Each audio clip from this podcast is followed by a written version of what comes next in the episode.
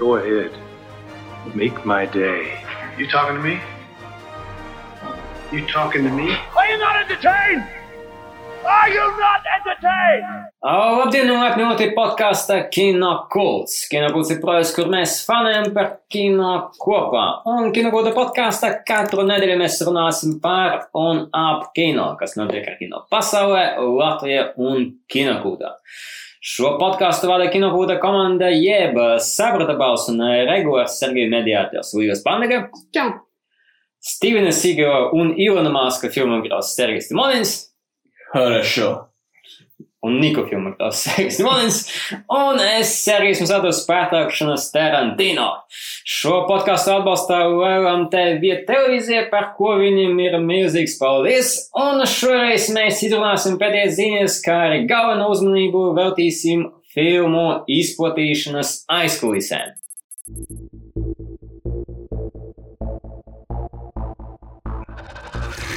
Good news, everyone! Ziņas šodien mums ir ļoti labas. Visas Pārmaiņas pēc. ir labas. Pārmaiņas pēc nekas nav pārcelts, vai Tāpēc, mēs vienkārši viss jau bija pārcelts. Nu, jā, Jā, jau nav ko ne? Mums ir uh, piecas filmas, pieci jauni filmu projekti un viens mm. seriāls. Uh, nu, ne tik jauns, bet nav interesantas ziņas. Sāksim, bet viņas izstāsta jancīgas kaut kādā ziņā, un es domāju, ka mēs atradīsim arī visu kaut ko negatīvu katrā ziņā. Jā, mēs jau gatavojam. Sākot jau ar pirmo. Pirmā ziņa ir tāda, ka atceramies, ka bija uh, brīnišķīga Stevena Spielberga filma. Jā, trilogija tā bija. ja? Viņa bija plānota kā triloģija, mm. -hmm. kur pirmā filma bija domāta Stevenam Spielbergam, viņš viņu izveidoja, otrā bija jādod Pīteram Džeksonam, un trešā bija kam Edvim Raitam. Jā. pareizi atceros. Jā. Nu, lūk tā.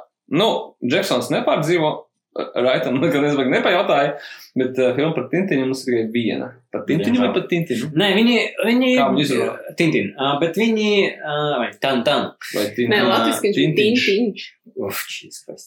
Um, Karols Kongs. Uh, viņš, uh, zini, kā tur dažreiz uzspēled jaunami, ka nē, viņš joprojām Kā gaisā, viņš nav tā kā pavisam kancelēts, bet, uh, jā, mēs viņu neredzējām. So. Ne, tur bija tas case, kur uh, ejot pie kvāpē ziņām, kad uh, es lasīju kaut kādu rakstu. Tad, kad iznāca Tintins, tad uh, Stevens Spielbergs mainīja studijas, nu, tad Am- Ambulance mainīja studijas un kaut kā vēl. Nu, Kroči, es sapratu, ka, uh, ka grūti gāja tai filmai ar naudām. Nu, tas nav tā, ka uh, cilvēks stājas rindā, lai finansētu otro un trešo daļu. Nu, bija, Mhm. bija ok, bet tā. Vienkārši es redzēju divas reizes, vienreiz kinoteātrī 3D. Ir fun. Viņa bija fun.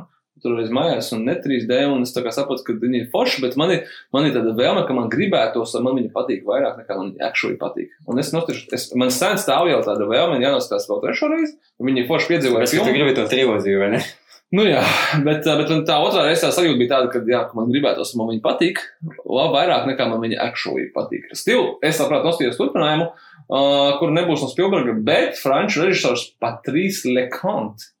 Leconte ir, ir, ir ieziņojis to, ka viņš grib pārķert šo te stafetes mietiņu nopietušo un veidot pats savu Tintina filmu, kas nebūs nekādā veidā saistīta ar Spielberga filmām un kurai nav tiesības uz šo personāžu. Bet uh, viņu tas, uh, kā jau īsta francūza, neaptur. Turpināt uh, veidot šo filmu. Un, jā, un, uh, jā, viņi būs live action, viņi nebūs vairs 3D. Uh, 3D animācija, un uh, varbūt viņi nebūs arī vispār. Tāpēc, ka viņiem nav tiesību to darīt. Un Tas ir interesanti, jā, ka viņš ir ļoti, ļoti tā kā publiski. Nācis ziņa ir par to, ka ir čavis Francijā, viņš grib uzfilmēt filmu, bet Jā. viņš to nevar izdarīt. Varbūt Nu, pa viņu nevar viņš plāno filmu. uzfilmēt filmu un cer, ka uz brīdim, kad viņam būs jāsāk filmēšana, viņš būs tā kā pabeidzis, ā, pabeidzis procesu ar tiesībām, ko, man tagad atgādina. Jā, es tieši domāju, es arī Francija, you know. Jā, nu, bet nu, kaut kā būs, varbūt arī tas ir kaut kāds ā, tāds, ā, mūsdienās mēs dzīvojam pasaulē, kurā cilvēki ļoti daudz kaut ko tvīto, tad viņi var to padarīt par realitāti. Rūjas tas nedarkārt, varbūt tas ir, uh, respektīvi, ir, ir, Ah, ir, populārs. secret. Jā, jā, jā, tas, ir, tas, ir, tas ir kaut kādi tintina trakie fani, kas ir ā, sapratuši, ka ā, viņi grib iet tālāk nekā vēl par petīcijām, par change.org, par Twitter hashtagiem. Viņi nolgojuši kaut kādu čaunu no Francijas, šādā veidā mēģinot parādīt Spielbergam, ka ja tu tā kā, nu, ķeries klāt, tā kā Ah, ok. Tas ir blackmail. sazvērestība, atcerieties, tas ir populārs arī 2000. Tur ļoti garā sasvērstību teorijas. Tā kā es ticu, ka, jā, ka, tie, ka tas ir fakeais uh, režisors, Mhm. uh, ar, tā kā, vai tas ir kaut kāda fani ar tādām mūsām, kas tā kā saka, jā, mēs Jā, filmēsim. Jā, un, un uh, es pil- vienkārši ar motivāciju Spielbergam, ka, ja, ja ne viņš, kāds to izdarīs, un viņš tā kā ķersies pie parāda. Ko viņš tagad Tā, darīs? ka viņi tā kā sabīsies un Jā. tā kā, oh, oh. Jā, jā, jā tagad tieši, tā, tieši tā, kad, kad, kad viņi redzēs, ka viņi netaisa, kāds cits to darīs. Viņiem, zin kā, tāds aizvainojums, tā kā, ko, ko citu es, ne, ne. Nu, kā Spielbergam tagad uh, Indiana Jones nav jāfilmē. Peter Jackson, man neko viņš to dara. Man nedara. Dokumentāls filmas. tev. Jaunzēlandē viss kārtībā, tur ir karantīna, Jā, tur, pēdējais tur var filmēt droši, un, un Spielbergam arī pārcēlās tā jaunākā, viņš pat kaut ko atradīs, ko darīt. Edgars Raicinīgais ir aizņemts, bet tam tikai trešā daļa. Viņam ir Jā.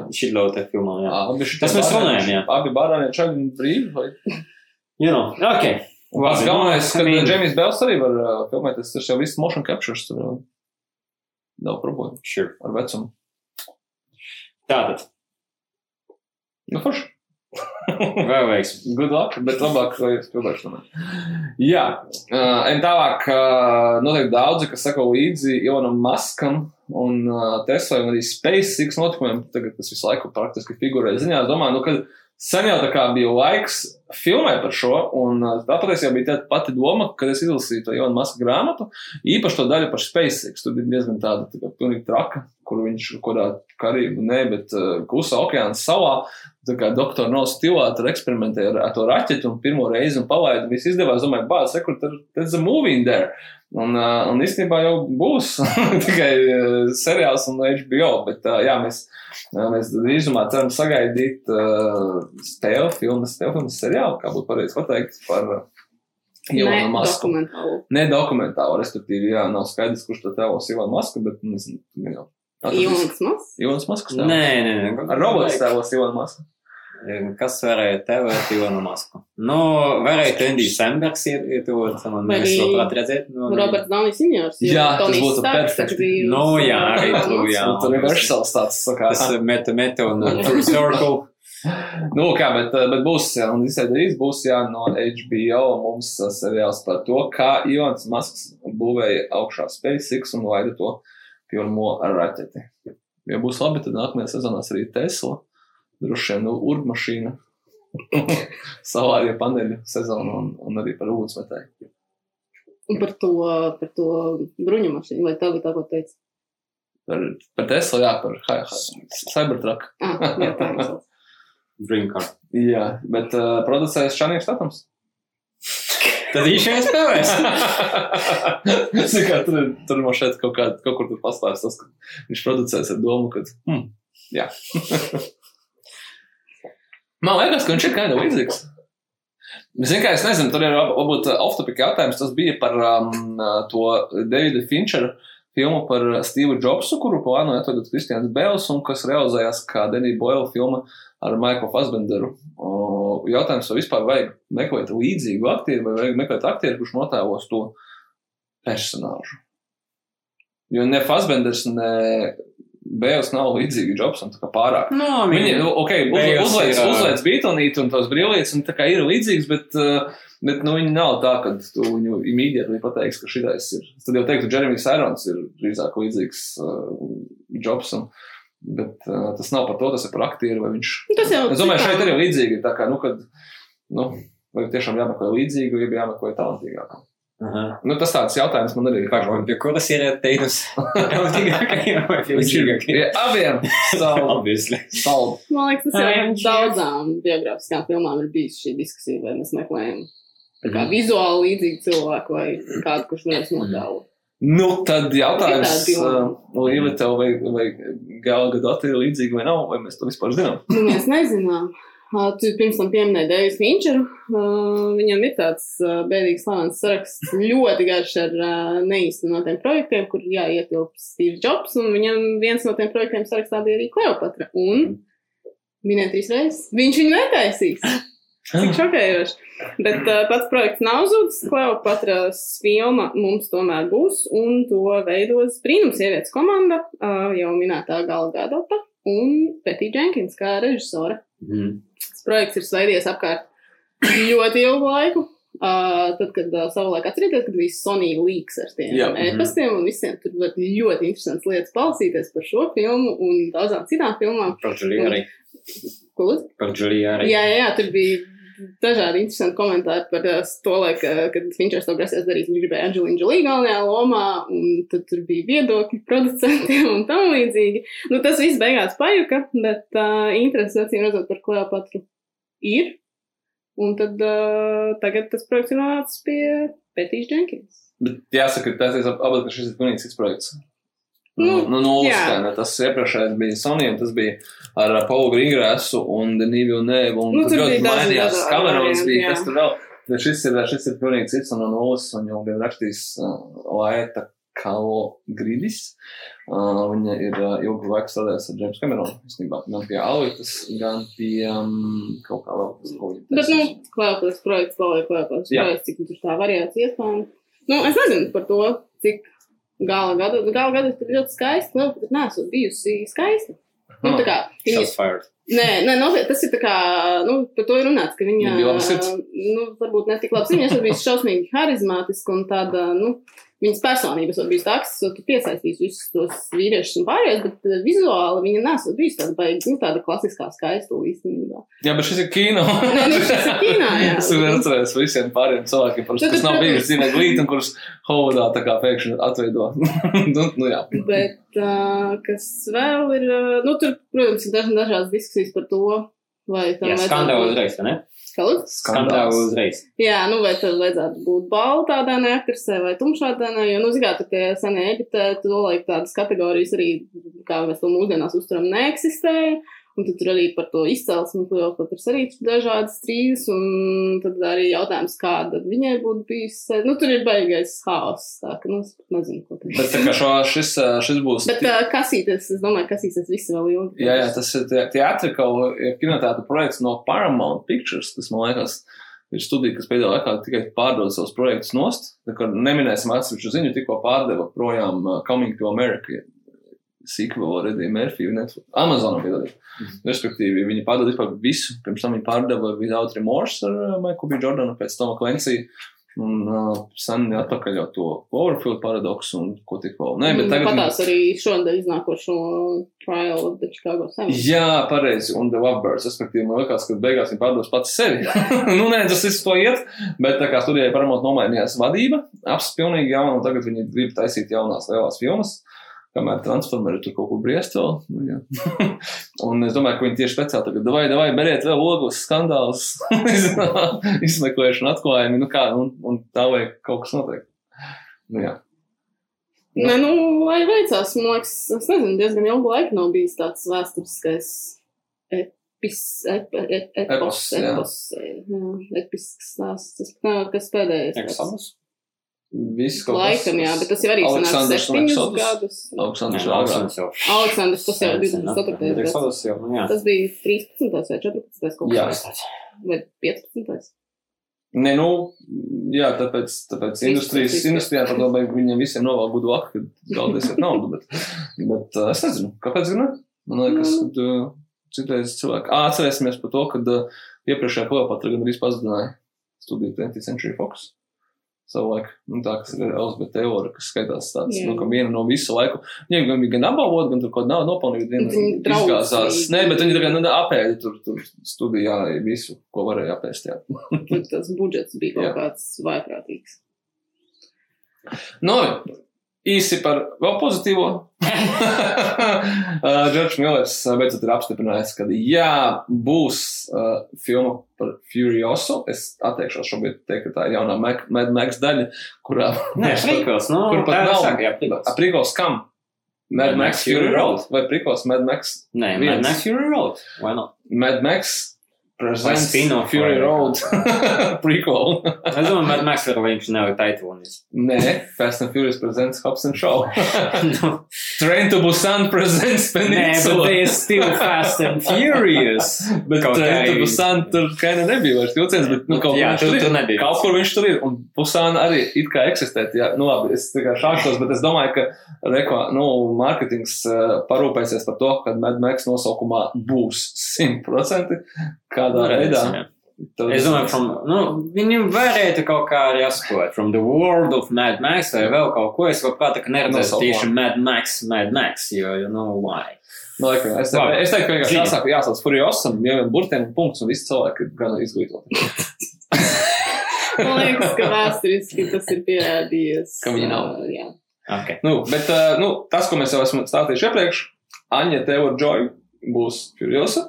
Kā arī filmā mēs redzēsim Krisu Hemswortu, kurš jau to kaut kāds krietni šādās filmās tomēr. Un uh, aktieri Jahja Abdulmatīn II. Redzams arī kā Black Manta. Un uh, ļoti daudzās filmās viņš ir Viņš nu pat arī iemīdabūs. Šausmīgi. Jā, jā, viņš ir uh, Watchmen seriālā, un, un pēkšņi viņš ir kļuvis visur. Nu, labi, tas ir arī forši. Nu, gan jau, ka tur būs vēl citi pēļņi aktieri, bet uh, galvenais, ka filma notiek. Manuprāt, tur ir, es domāju, ka nespēlēs uz to, ka prīko mums nav vajadzīga pa lielu. Es būšu tik drosmīgs, ka to apgalvošu. Uh, bet uh, Kā, kā, kā tu gribi? prīko vēl nav mums vajadzīga vispār. Nē, nu mums varēja, varēja tā arī tāpat teikt, ka mums nevajadzēja ceturto pēdiņas daļu Mad Max, bet, kad viņi iznāca, actually izrādās, ka vajadzēja. Nu, es izaicinājju citu filmu, kas varbūt nav pasaistīta ar iepriekšējiem. Tāda. Bet uh, es tā saprotu, ka ir kaut kāds bijis Līva. Nē, es jau šo projektu jau. Nē, es jau par to čingsēju kaut kad iepriekš. Mēs jau par šo esam Uzzināsim, kā viņš zaudē runājuši. roku. Uzzinājām. Diezgan- Nu, jā, bet The nu, vēl. Nē, man tā kā Es tiešām tev- pilnīgi absolūti neprasās nekādu backstory šim tēlam. Un otrkārt, uh, nu, es, ne, nu, jā, es negribu zināt, kā viņi zaudē savu roku, man tas neinteresē, bet mēs arī bišķiņi zinām par to viņas background, to, ka, nu, viņiem Mm. tur labi negāja. Un, visticamāk, tad tas arī tiks tā atspoguļots. Un vai es gribu skatīties divas Bet stundas, kā viņai varbūt. iet slikti, un kā es ticamāk vīrieši dara pāri sievietē, kā tur es, nu, kaut kā tā. Bet varbūt tas būs uh, Furiosa, kas actually būs filma par citu personāžu. Krista Hemsworth. Jā. Jā, nu, tas vienīgi. Nu, Un, Bet uh, viņš būs Furiosa. tipa- Viņš būs tipa Mad Max, kas nav Mad Max. un Viņa būs ļoti secondary tur tajā visā Jā. pasākumā. Tā tas cikls turpināsies. Tas arī diezgan. Un visi aplaudēs, ak, ak vecais mīlēs atkal visus apčakarēs. Malts, kur šeit uzskars. Nē, bet man uh, fascinē tas, ka cik uh, ātri vienkārši Annai Teorija Johnsona arī tā karjera vienkārši uzsprāga, jo mēs uh, Tas vienkārši atceramies, ir desmit gadi. Tas nav tik ātri. Nu, tas, uh, Nu, Split vēl nebija viņas pirmā filma. Jā, split nebija. Mēs viņu laikam vairāk, es viņu iepazinu vairāk no The Uh, Tas ir gads. cits. Un, nu, pieci gadi nevis desmit. Ok, nu, pieci. Tā kā diezgan, Bet diezgan daudz projektu, līdz daudz- leading daudz- daudz crow, projektu. Jā, Daudz projektu. Jā, un absolūti daudz projektu, un, un uh, šī arī tad viņas uh, personīga tad uh, sāk, laikam pirmā filma, kur viņa arī, nu, skats uz viņu. Ir uh, starring. Jā. Nu, ne tikai starring kā tāda, bet ka New Mutants jau arī bija viņas starring. viņa Emma, Jā, Emma, ok. Un Nu, tas, uh, Night in Soho, kurš nav iznācis. un viņai tūlīt pēc nedēļas iznāk Netflixā miniseriāls. Jā, lomā ir Queen's Queen's Gambit. Kā. Es tomēr teiktu, ka Furiosa kā tāds, tas ir cits līmenis. Tas ir uh, uber mainstream uh, filma, Jā. kas nav Emma, kas nav Gambit. nedusmo tagad James Austens fans, kurš nav mainstream, un Emma ir tā kā, nu, tas tev tā Es kā. domāju, ka James kā- Austins fani tikai priecājas, ka, ka es pateicu, ka viņi nav mainstream. Nē, Austin, galīgi. Viņš tāds- Austin nav mainstream. Nē, viņi ir, viņš ir tāda.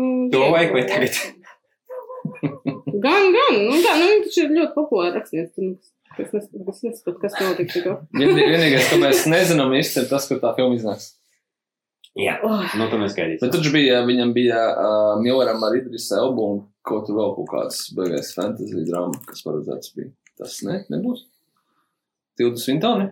Kaut kāds thousand year, kaut kas tur. nu, Kaut viņam kas, bija kaut kāds projekts vēl Jā. pirms tā iecerēts, bet varbūt, Varbūt, ka ne. varbūt, ka nav. Nu, labi, bet zini, kam ir iecerēts jauns projekts? Mēs runājam par vēsturiskām eposiem. Ridleyam Skotam apsveiksim, apsveiksim šo 70.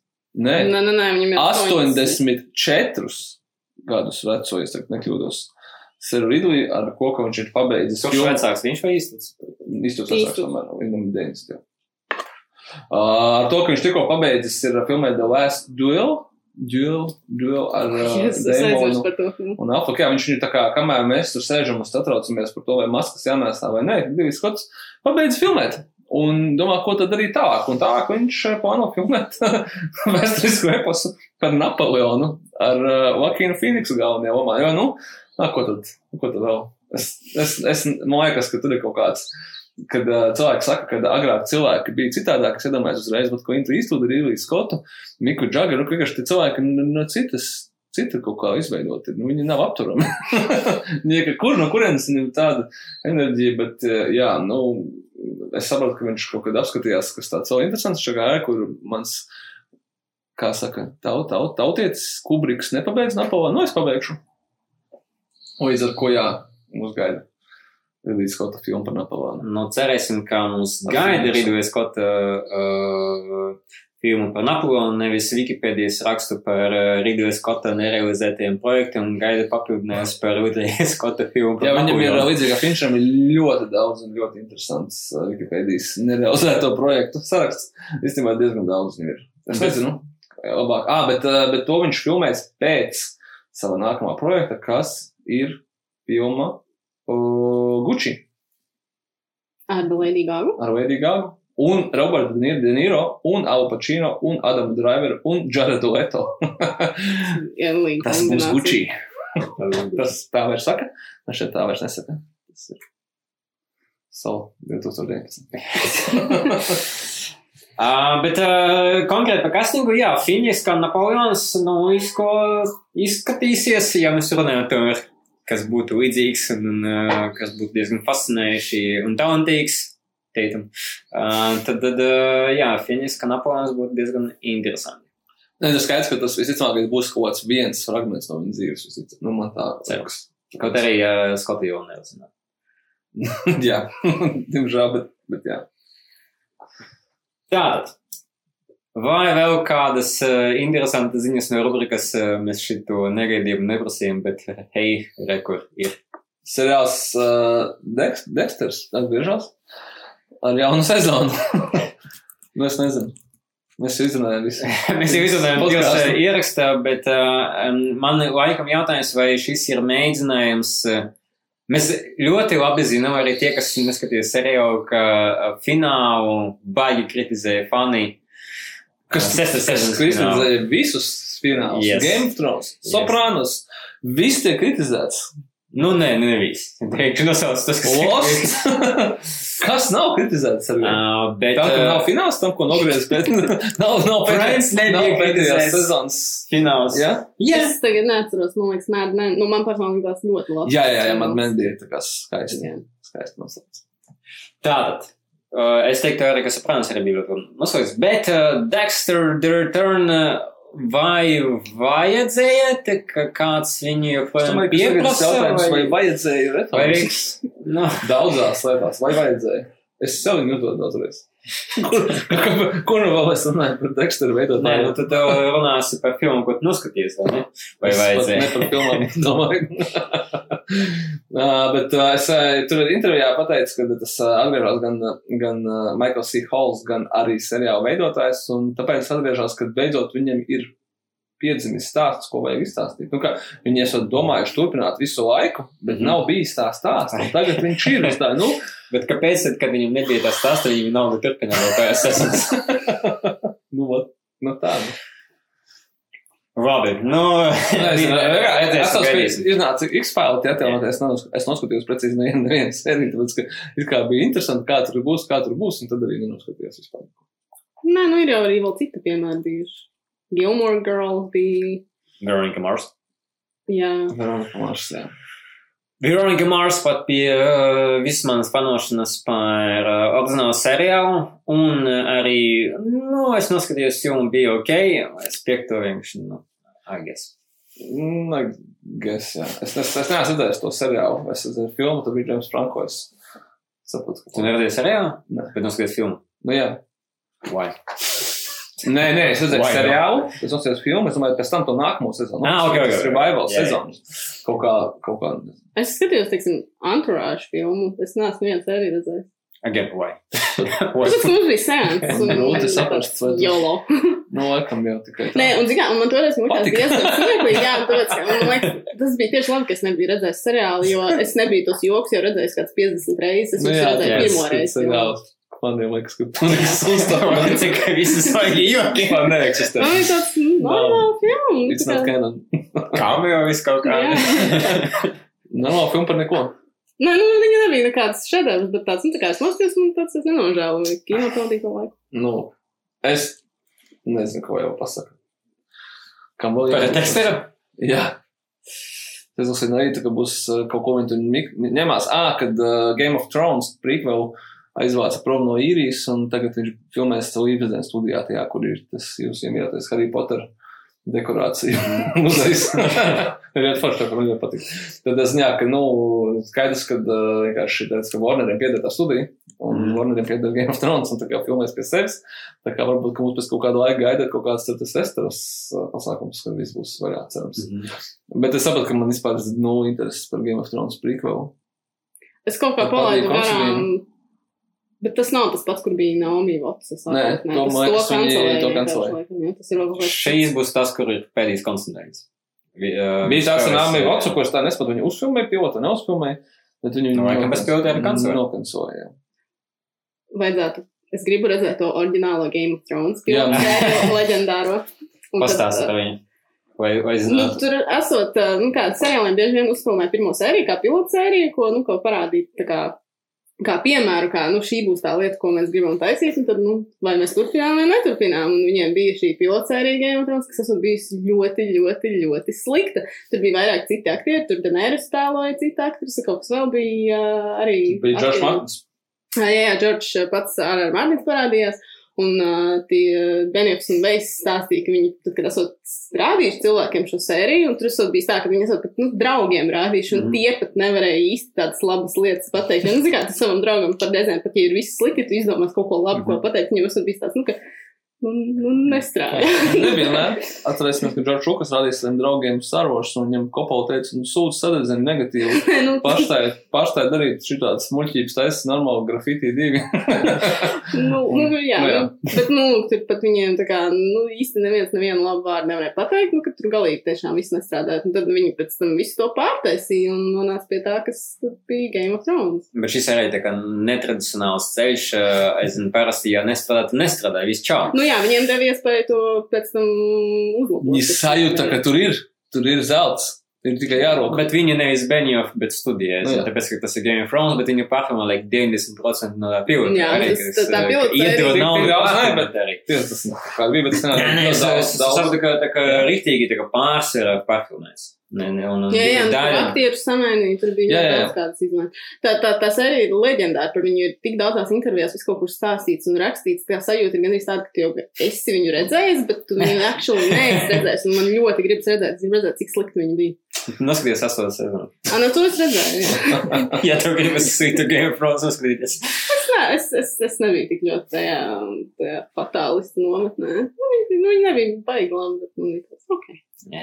Nu, es, kā, es vienkārši neskatījos visu to seriālu laiku līdzi, tāpēc man nebija tāds personīgs Mm. kādas investīcijas. Daudz jā. Bet galvenais temats mums šoreiz ir izplatīšana, un mēģināsim pastāstīt no savas pieredzes, un ne tikai no savas pieredzes, par to, kā tad filmas nonāk līdz ekrānam. Līdz kinoteātra ekrānam, bet vispār līdz. Nē, līdz jebkuram ekrānam, arī līdz kinoteātram, bet uh, in general. Uh, Līvi, ievadīsim uz... Atmaskosim. jā, viņu mēs visu. tā kā Mythbusters. Oh, yes.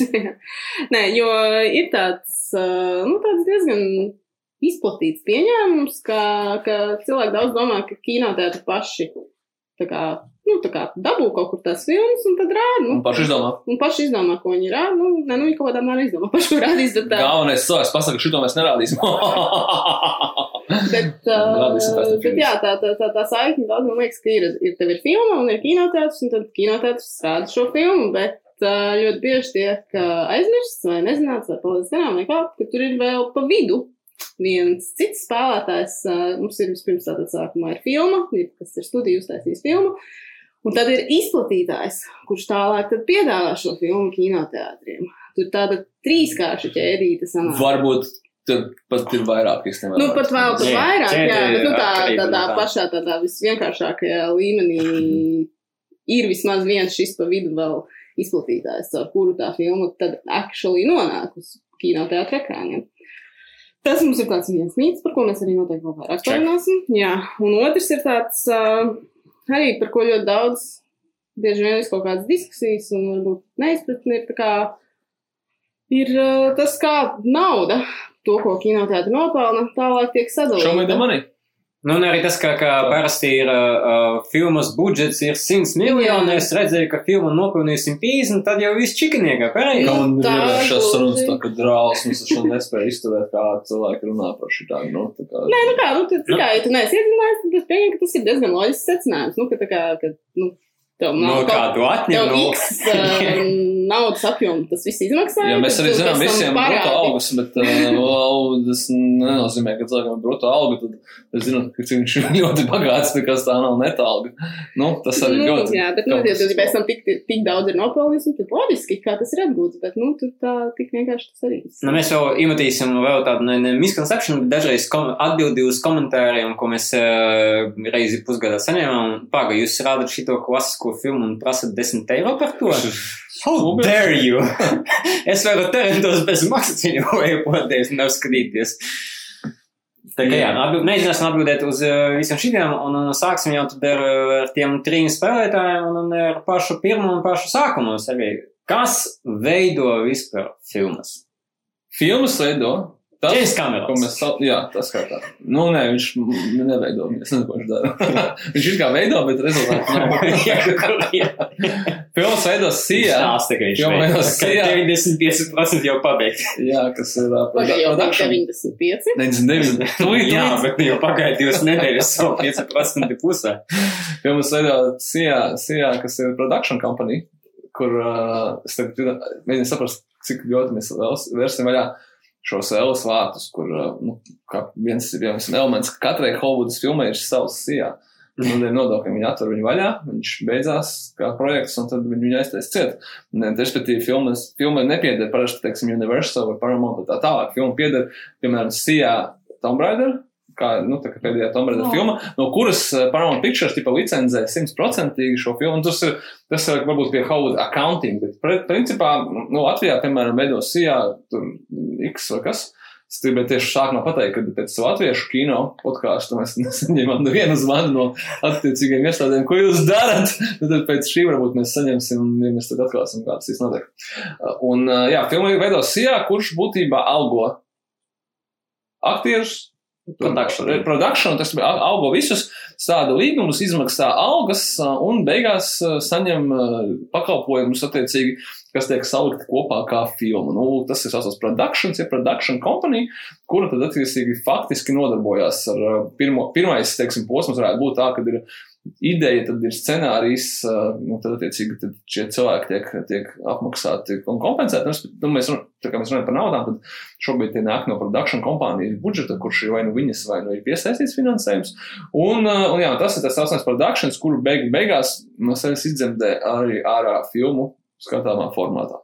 Nu, tālāk tā filma ir kaut kur, kaut kur jārāda. Atkarī, mēs varam arī atkarībā no projekta skatīties uz to, ka ir uh, lielas studijas, kurām jau ir subsidiaries, jeb uh, apakšu uzņēmumi, kas ir jau kā production filmas, bet daži darbojas uh, alternatīvi un, teiksim, paši taisa, un pēc tam slēdz līgumus ar lielām studijām tādām kā Universal, Paramount, Sony, Disney. Nu, Blumhaus, piemēram. Uh, Jā, Pat teiksim. Blumhouse uh, paši taisa, bet viņi slēdza līgumu tagad ir Universal, ka viņi kopā sataisīs vairākas filmas uh, tajā uh, Monster Universe franšīze, piemēram. Vai arī, piemēram, izcils piemērs Lukas filmu līdz nesenam laikam.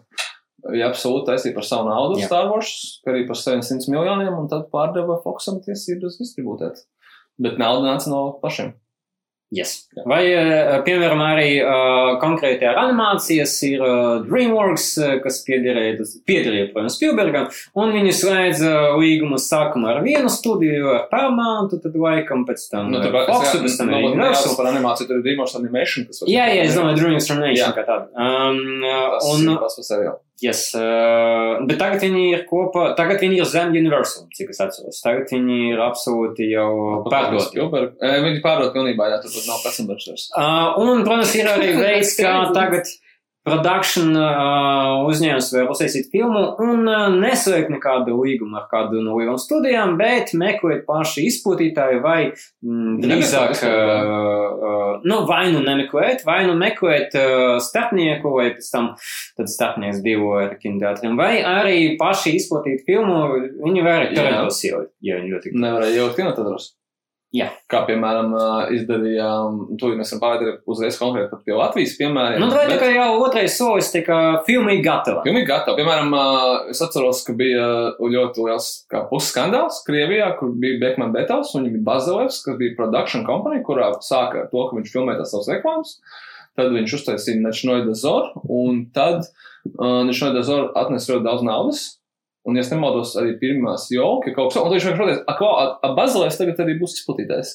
Un mēs paši saražosim, paši arī kinoteātros ieliksim. Tur Krievijā ļoti daudziem nepatīk, ka tas, kā, ko tu tagad atņems mums naudu. Un tā mums šeit, viņi tik labi viņa neaizgāja kā to iepriekšēju izplatītāju, bet jebkurā gadījumā Latvijā mums ir tā, ka arī ir ļoti daudzi produkšani, kas, es teiktu, ka daudzi, kas izplata paši savus filmus. Sāksim soli atpakaļ.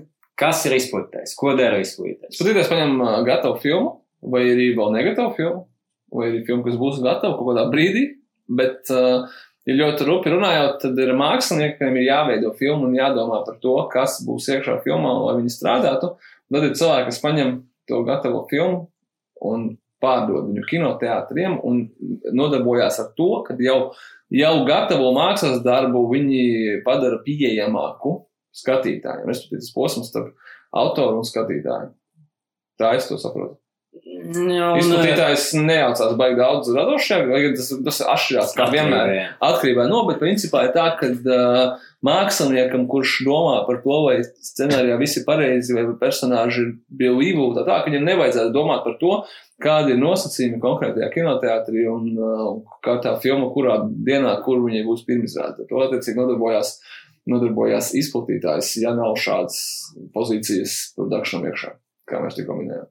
Izplatītājs, jeb distributor, uh, un uh, arī mēs pieķersimies tūlīt uh, pie kaut kādiem konkrētākiem keisiem, kā viņi atšķirās, bet faktiski tas ir tas, ko arī mēs darām Latvijā, jeb mēs meklējam filmas, un tad uh, iegūstot uh, tiesības uz filmas izrādīšanu, mēs komunicējam ar uh, izrādītājiem, jeb kinoteātriem uh, par to, kād un kā mēs izplatīsim šo filmu. Plus mēs pēc tam arī, kad sarunās, nav gluži tā, ka mēs tad slēdzam līgumu ar kinoteātru un tad viss čau. Mēs tad, tad darbs actually sākas, mēs sākam viņu reklamēt un promotēt un kopā ar īpašniekiem un, jeb kopā ar studiju un kopā ar tad, tad, Kinoteātriem. Uh, izdomāt komunikācijas stratēģiju, kā sasniegt mērķi auditoriju, kas ir domāta šitai filmai. Nu, tur ir kā un kāpēc, un, jā, un vai tas ir kinoteātros, kuros kinoteātros, kāpēc šajos, kāda, kurā datumā, cik ilgi,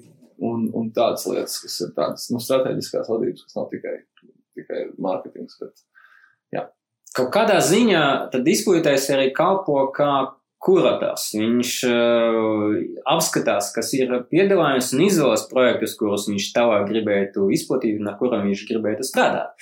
Uh, bet te mums vajadzētu arī nodalīt uh, diva veida izplatītājus. Uh, viens ir uh, studijas izplatītājs, un otrs ir uh, neatkarīgais izplatītājs. Studijas izplatītāju ir tā, ka lielām studijām, tādām kā Disney, Sony, Warner Brothers, Fox un tā tālāk, jeb Fox vairs nav. Um, katram, katrai lielai studijai ir, teiksim, uh, teritorijas salas aģents. Izplatīšanas partners, teiksim, tā, Jā. kas nodarbojas ar šīs studijas pārstāvniecību. Kas nozīmē, ka tik līdz Warner Brothers izlaiž filmu, nav, teiksim, mums, kā kinokūtnam vai spektram, iespējas nopirkt šo filmu un pašiem izrādīt. Nē, šī filma tad eh, tiesības uz šīs filmas izplatīšanu aizies Automātiski, Automātiski, jā. partneriem noteiktajā teritorijā, kas tad attiecīgi nodarbosies ar izplatīšanu. Tas reizē labums slikti. Un uh, labi, tāpēc, ka nevajag uh, papildus dzīvot slikti, ir uh, tādos gadījumos, ka, teiksim, uh, UK office, kas nav pat, uh, piemēram, uh, konkrēti Latvijas partneris, bet uh, uh, UK office, kas ir atbildīgs par visu Eiropu, teiksim. Viņš izdomā, wow, vot šitā filmā, nu, viņa, vot, Baltijas tirgu neaizies. Vai arī labi, labi ka, teiksim, tad, kad tev ir Fast and Furious un Minion, un slikti, ka tev ir cats. Nē, es teiktu, sliktais, ka. okay. Uh, Tas ir vienā, vienā gadījumā forši, un otrā gadījumā tā kā, hmm, Kas nozīmē, ka tev nav jāizpūta. Tu gribi vai negribi, tev vajag izplatīt Jā. un, un uh, izdomāt stratēģiju filmai, kurai tev īpaši varbūt negribētos izplatīt, tāpēc, ka tev Nu, ja tu pats to neinteresē. Vai arī tu Vai tu ne, ne, es neticu, tu ne, netici viņai, tu netici, ka viņi strādās. Tu netici, ka tas ir vispār vajadzīgs. nu, tu netici, vai arī tu nevari, tu, I mean, tu nezini, teiksim, kā uzrunāt konkrēti šito mērķu auditoriju. Cats? Nu, jā, kāds. Bet tas jau jebkurā darbā tev reizēm jādara lietas, kas tev vienkārši jādara. Nu, Nu, tā kā. Bet, ja saka, tas forši, ka tur ir tās, nu, tā nāk, bet, nu, tas var būt gan plus, gan mīnus. Nu, jā, droši vien, ka ir lielāks, varbūt no skatītāja viedokļa, es domāju, ka neviens pilnīgi baigi nepārdzīvo par cilvēkiem, kas Latvijā strādā cats vai arī, nu, kaut ko citu, tāpēc, ka uh, gal galā tā nav īsti jūsu, jūsu darīšana. Jums uh, vairāk pārdzīvojot par to, kāpēc filmā kaut ko nerāda Latvijā. Un Jā. Tas arī ir saistīts ar to, ka tieši tā, ka tu varbūt ļoti gribētu kaut ko parādīt, bet tev pasaka, ka lielais office, ka šī filma, nu, Eiropai nebūs, piemēram. Nu, piemēram, ja jūsu reģionam nevajag to. Jā, ja mēs runājam konkrētos keisos, tad bija nesen uh, uh, The Lighthouse. Bāka, tad, uh, kas uh, tiesības piederēs Universal, un uh, Eiropas birojas izdomāja, ka, nu, netērēsim naudu uz reklāmu šeit, lai parādītu šo filmu, tāpēc, ka nedarbosies. Melnbalts jau kaut kāda. Melbourne, tad ir, uh, jā, tas čalis no Twilight, bet, nu, sen jau no vampīrs, un. I don't know. Šitais Janders. Nevar saprast, ar ko beidzās, nomira, nenomira. Aies, tur vadarbība. Uh, labs piemērs, zin kā, uzreiz pats, ka Universal System vajag forši, viņi vispār ko mums ir devuši, tas Sing iedeva, piemēram, uzties. Paldies viņiem par to, bet uh, Straight Outta Compton. Noteikti, noteikti tā droši vien vidē, tu pajautāsi. O, Es esmu, teiksim, to arī darījis. Pagājušajā nedēļā man jautāja, kā, kā šo filmu nerādīja Latvijā. Kāpēc? Tas ob obvious, ka tā kā visiem interesē, bet, nu, nē, tur bija atbilde, ka šis Latvijā neaizies, nezinu, nezinu šo amerikāņu grupu un vispār. Films par melnādainiem nepārvarēs.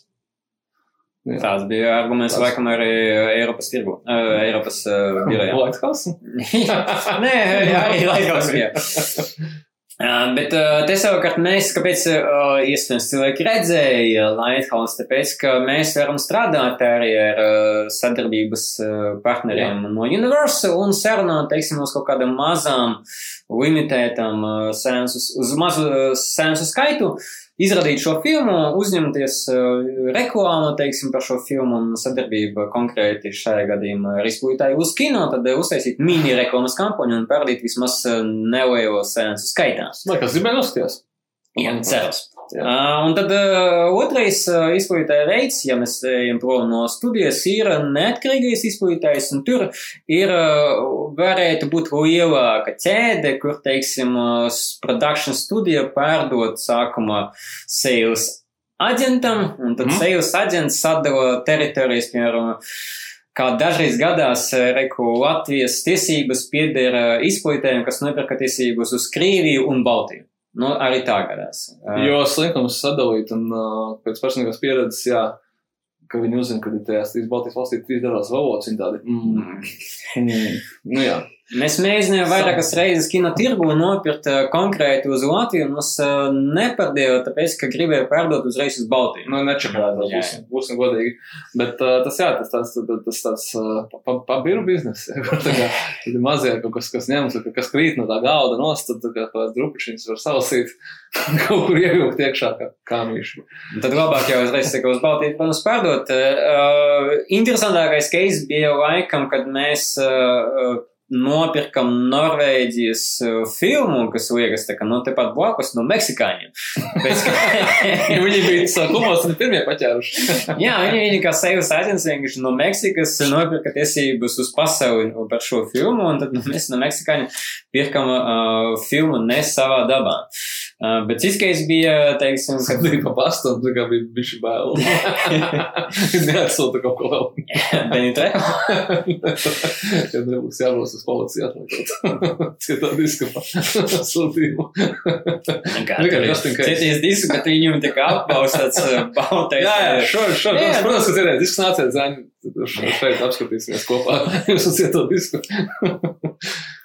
Savukārt, jā, savukārt mūsu gods un lepnums bija, kad mēs bijām vienīgais Eiropā izplatītais filmais Sharknado 3, jo neviens cits neiedomājas nopirkt filmu Sharknado 3. Vispār ārpus kanāla, kur viņu rādīja pa televizoru. Bet, uh, jā, nu, un uh, tas uh, šajā, šajā gadījumā, teiksim, jā, un es tagad mēģinu atcerēties, kino tirgos var būt arī ļoti lielas filmas, un um, mēdz būt arī tā, ka kino tirgu filmu nopērk major studija. Jā. Tā kā viņi nav viņa ražojusi, es nezinu, kas ir. uh, No Čorna Vainamals, piemēram, bija man šeit viens no lielākajiem, kur 30 miljonus kaut samaksāja, vai kaut kas tāds, kad uh, filma ir ne, neatkarīgi noproducēta un attiecīgi un kino tirgos. Uh, it kā jau, ja tu esi. Nu, par- piedod, arī pat ne tikai kinotirgos, kinofestivāls, Sundance arī, teiksim, iet. Jā, jā nu viss, viss pa jaunu festivālu ir kaut kādā ziņā arī kino tirgi, vai tiešā vai netiešā veidā. Un um, tu vari aizbraukt, tu esi productions un uztaisīsi savu filmu, un viņai ir, uh, tu nezinu, vēl forši kaut ko dabūjusi tajā festivālā, ja ir tā kā, teiksim, par viņu runā, tad tu uzreiz tirgo katrai teritorijai atsevišķi. Tāpēc, tu, teiksim, ik pa brīdim tu tiek ziņos, ka šī filma ir pārdota tur 160 teritorijās un tā tālāk. Un, Protams, ka skaidrs, ka tur viņi to visu bišķi apkopo. Neviens netiekās ar 160 cilvēkiem kopumā.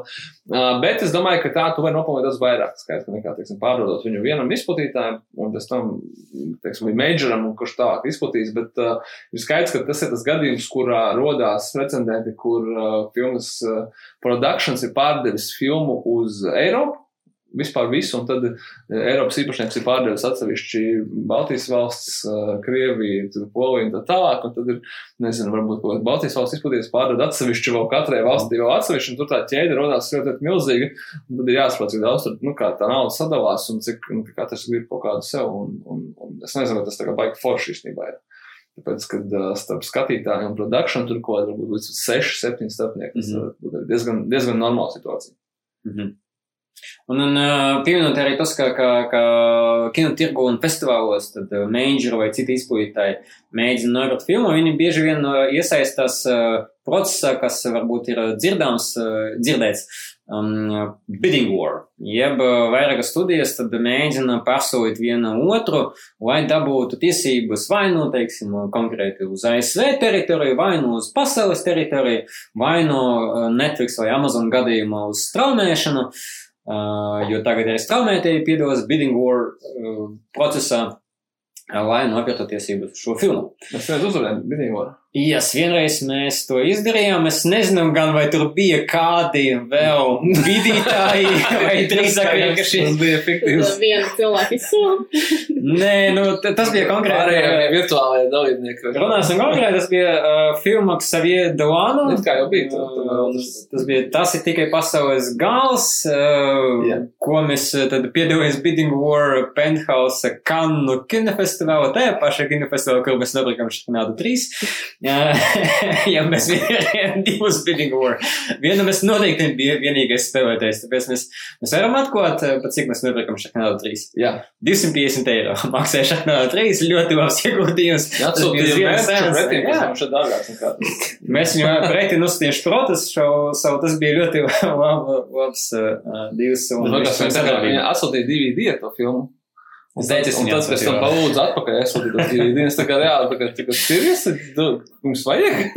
nu, tā kā tērēt naudu, ko es sūtīšu uz Ameriku. Un es zinu, ka taču nokačā to filmu. Katrs muļķis torrentās viņas, nu, nu, ko, nu, jā, no, tas tā. Un, Bet konkrēti par Dolānu runājot, tad kā tas viss izpaudās, mēs gājām uz mītiņu un es teicu, re, kur ir vēl citi, pāris kas maksās vairāk. Jā, Jums noteikti ir vajag pacelt. Mēs Un Mēs mums no, ok, bet reku, reku, no kabatām izvēl pēdējais, ir reku, ir pēdējā nauda. Viņi vēl savus snikers un lokets. Un tad mēs uh, nopirkām filmu uz visu Baltiju, un šis bija lielākais ieguldījums arī no mūsu puses. Un mēs bijām arī tad, uh, savā ziņā starpnieks, jo mēs pēc tam pārdevām uh, tiesības uz Lietuvu un Igauniju citiem mūsu sadarbības partneriem, veidojot to ķedē, ķedīti vēl uh, lielāku. Paši bija vainīgi pie tas ķēdes. No, well, it was it, fine. Uh, bet pēdējais tad punkts ir uh, izrādītais jeb exhibitor un uh, pārsvarā tradicionāli tas būtu kinoteātris, jeb Jā. vai visticamāk pirmais solis. Bet tagad jau viss arī mainās un, un uh, uh, tas nav obligāti tikai kinoteātris, tas var būt arī TV kanāls, tas var būt straumēšanas platforma, tie var būt brīdības sensi un tā tālāk un joprojām. Nu jā, tas, kurš šo filmu faktiski izrāda. Un uh, nav iesaistīts viņas veidošanā. Bet tas, ko uh, es gribēju pieskarties diviem punktiem, konkrēti par uh, izplatītāju un izradītāja sadarbību un biznesa modeli, un tad uh, uzreiz uh, vienu atbildēt. Um, Vai ja sāksim ar jautājumu, kāpēc šo filmu nerādot? Jā? Kāpēc? nerāda? Tas ir saistīts ar izplatīšanu. Jā. Kāpēc? Nu, nu tā. Tāda ir. Kad jūs neskatāties atbildi, nav visticamākais, ka vai nu jūs neskatāties, ja arī ir misconceptions, ka Latvijā neviens nezin, kas ir NWA. Neskrips. nu, tur ir, again, vairāk, vai nu izplatītājs, teiksim, ja ir kaut kāda konkrēta filma. Man liekas, ka konkrēta filma. Uh, parasti, parasti, ko mums uh, rakstāt vai jautājat, jūs, es izlasīju Delfos kanāls uzvarēju filmu X. Vai kaut kā, oh, kad viņi varēs redzēt Latvijā? Nu, tad es, zināju, kad, uh, tad uzreiz es domāju, ka pirmkārt, nu, ka nav jau īsti, nav īsti nekāda pienākuma nevienam tā kā, atb, nu, kā teikt, ka šo filmu varēs redzēt Latvijā, tāpēc es viņu varētu noskatīties. Un Tā tas, tā tas nedarbojās. Bet, ja tā filma ir uzvarējusi, visticamākais viņai ir produkcijas, kā jūs tikko uzzinājāt, un viņai ir kaut kāds izplatītājs, kas viņai ir nopircis uz noteiktām teritorijām, kura var iekļaut un neiekļaut Latviju. Līdz ar to tas izplatītājs, kas ir, protams, absolūti nu, privāts sijā, kuram nu, jā, nav nekādas pienākuma kaut ko, kādam kaut ko rādīt, viņi var arī nerādīt, kas ir diezgan normāli, kas tiek kas notiek. Uh, tad viņiem tas ir jāprasa, bet, uh, bet konkrētāk ir tā, ka uh, ir arī iespējami gadījumi, kad, piemēram, filmas uh, izplatītājs ir nopircis filmu uz Baltiju, un, piemēram, Latvijā viņš viņu neplāno vispār demonstrēt. Tas nozīmē, ka viņu nerādīs viens cits arī, tāpēc, ka tās tiesības pieder izplatītājiem, kurš neplāno viņu rādīt. Kāpēc viņš neplāno viņu rādīt? Tāpēc, ka filmas izrādīšana kinotētos tomēr maksā kaut kādus finansiālos ieguldījumus, un uh, gan Holivudas studijām, gan neatkarīgiem izplatītājiem ir noteikts, eh, noteikts tā robeža, kuru viņi zina, ka viņiem tas maksās tik un tik. Nu, kaut vai elementāri sākot ar to, ka sagatavot filmas kopiju cietajā diskā, Pārtulkot. pārtulkot, aizsūtīt uz kinotētru, nu tur jau krājās kaut kādi simti, ja ne tūkstoši eiro, kur ir jādabūna atpakaļ, un ja viņi redz, ka uh, viņi nedabūs viņus atpakaļ, tad vienkārši to nevajag darīt. Tad mēs pat nerunājam par reklāmu, kas mums ir šausmīgi dārgas izmaksas, vide, banneri, TV un tā tālāk. Un, uh, un tā ir atbilde, kāpēc šo filmu iespējams nerāda. Nu, plus arī tas, ka iespējams, piemēram, ir kaut kāds uh, production studio, nu, A24, vai ne, izvaida mazbudžetu filmu ASV, un Jā. uh, viņiem pieder tiesības, un mēs, kā izplatītājs, tāds, oh, wow, mēs gribētu šo filmu parādīt. Mēs komunicējam ar A24, un viņi saka, klau, nu, ot, uh, summa, par kuru jūs varat nopirkt tiesības uz uh, jūsu tirgu, ir uh, tur 10 tūkstoši. 30 tūkstoši arī bija šī tāda. Es tagad neatceros, kuru tieši filmu. Green Room. Mēs, man liekas, Grīnums samazinājām. No 30 uz 10, bet tas baigi nepalīdz. Nē, High Rise. Highrise bija 300 tūkstoši, jā, jo atceros, tad Highrise mēs arī no Berlīnas kino tirgu mēģinājām nopirkt, mēs mēģinājām. High. No, High it's Rise. maybe slow rise. Jā, tur bija Highrise un tur bija Slowest. Divas filmas, ko mēs mēģinājām tā kino tirgu nopirkt, un viena bija 3, un otra bija 15 tūkstoši. Un mēs viņam pateicām, are you fucking serious? Tāpēc, ka noteikti. Mēs zinām, ka uh, mēs nevaram izplatīt šito filmu, kas nav, teiksim, supervēroņu vai komēdijas blockbusters Latviju un atpelnīt šito summu. Jā. Viņi to nezina, tāpēc, ka viņiem vienkārši vajag dabūt Jā. uh, arī no, no tām papīru valstīm vismaz kaut kādu naudu. Again, viņu prāt. Jā. Un, uh, tur ir tas tā, tā disonance veidojas, jo viņi nav, teiksim, šī šā tirgu eksperts. Mēs esam, bet mēs nevaram pierādīt, ka, teiksim, mēs, nu, Jā. mēs jums iedosim vismaz kaut kādu naudu, vai nebūtu viņi veidā. nepārdod nevienam, vai pārdod stipri vēlāk, un tad tā filma iznāk stipri vēlāk, vai neiznāk vispār. Oficiāli, tāpēc, ka ir ļoti daudz valsts un cilvēku. Bet, ja nopērk Netflix, nopērk uzreiz visu pasauli, mēs skatāmies uzreiz visu vienlaikus. It kā jau teorētiski jau laime. Prieks. Yes. Un, teiksim, konkrēti arī runājot par uh, special case, kas ir klasiskas filmas, tad uh, tā ķedīte ir ļoti līdzīga, ja tiesības uh, ir nodotas, teiksim, kaut kādam uh, Trešajai aģentam. pusē vai Jā, trešais, nu, piemēram, uh, kaut kādam uzņēmumam, kas savāc tiesības gan no Warner Brothers, gan no Disneyiem, gan no, no Sony un tā tālāk. Un mēs, kā izglītējs, varam jo- joprojām iet pie, pie uh, šī uzņēmuma un prasīt tiesības uz Latviju, vai ir vai nav. Uh, tad viņi atsūta mums arī kaut kādas, teiksim, weird ierobežojumus, ka, piemēram, Kasablankai vajadzēja būt tā, ka ekrāna diagonāli Viņa jābūt mazāka mazāk vai kā 10 metrus. Nē, to es sapratu, bet nebija tā, ka viņi bija nelielāka par kaut Es kādu. neatceros, bet es galvenais pateicu, ka jā, tā ir, bet es nemērīju.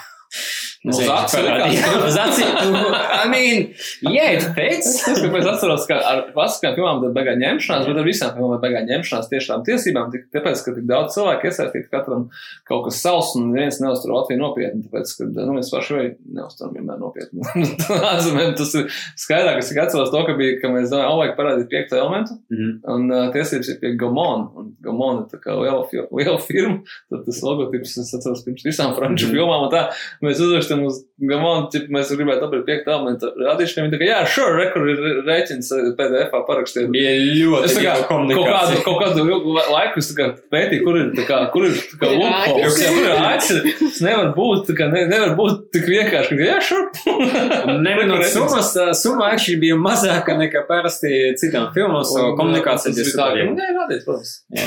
Mēs jums neko nedosim, nekāds kopijas, bet tas to, ka rād- rādīt. Nu, jā. Uh, un, un atbildot arī, teiksim, zinot spēlētājus, veidotāji, izplatītāji un, un uh, izrādītāji, varam arī pievērsties konkrēti budžeta un box officeam un Budžets. uh, izstāstīt savu. Nauda. Man nekā, kā, es, es, es tagad neatceros, bet katru reizi, tas bija kaut kādā, man šeit rādio, pēc tam, kurš bija uzaicināts, mm. -hmm. bet, nu, tā kā kaut kāds tur SRH puls vai kaut, kaut, kaut kas šāds. Tu teici, ka neminēsi, tagad rakstīsi. Jā, nav arī ok, kas tur DJ bija. Un viņi man tā kā kaut kā prasa, un es atceros, ka es to esmu rīkīgs sacepos par to, pēc pirms gadiem piečiem, četriem, pieciem. Nu, kad cilvēki apmēram tieši tā viņi arī tā kā saka, o, reku, kino jaunam izlasījām, principā, droši vien nosacīties hipo, hipotētiskajos delfos, vai, un tas, es negribu tagad aizvanot delfus, vienkārši izlasīsim ziņu portālā, kur abi, obvisi kāds raksta ziņas, kurš nezina kontekstu vai ko viņš īsti raksta. Un uh, filma tur izmaksāja 200 miljonus, nopelnīja 300 miljonus, tipa rekurs 100 pusā, viss kārtībā, un tur actually bija rubrika. 100 miljoni ir vairs, cik daudz Jā, jā, jā, tur bija rubrika, tā kā box office apskats, un viņi tā kā reāli par to diskutē. Es kaut kā viņam, man prasīja, vai man ko pateiks, pateiks, ka Džekijs tā kā vispār neko nesaprotat. Nu, tā kā vispār iz, izbeidziet, izbeidziet šo rubriku, viņi ir, nu, pilnīgi, jūs, nu, tā kā. mikrofons. te. Viņi ir kaut kā viņš man nav bijis apvainojis, un kā, nē, nu, kā, tipa, nu, ka mums nevajag, tas, tas domās, tipa, vienkārši izklaides rubrika, ka tur ne, nevajag tik ļoti iedzināties. Nu, tas nav tik ļoti izējas, ka viss, ko jūs runājat, ir pilnīgs, nu, nu čērņi. Nu, tā kā tas nav, tas neatbilst patiesībai. Tas, redz, ka, ka, kāpēc, kāpēc jūs, jā, jautājat man kaut kādu viedokli, kad es jums saku, mans viedoklis tāds, ka jūs visi, jūs nekā nav pareizi šeit.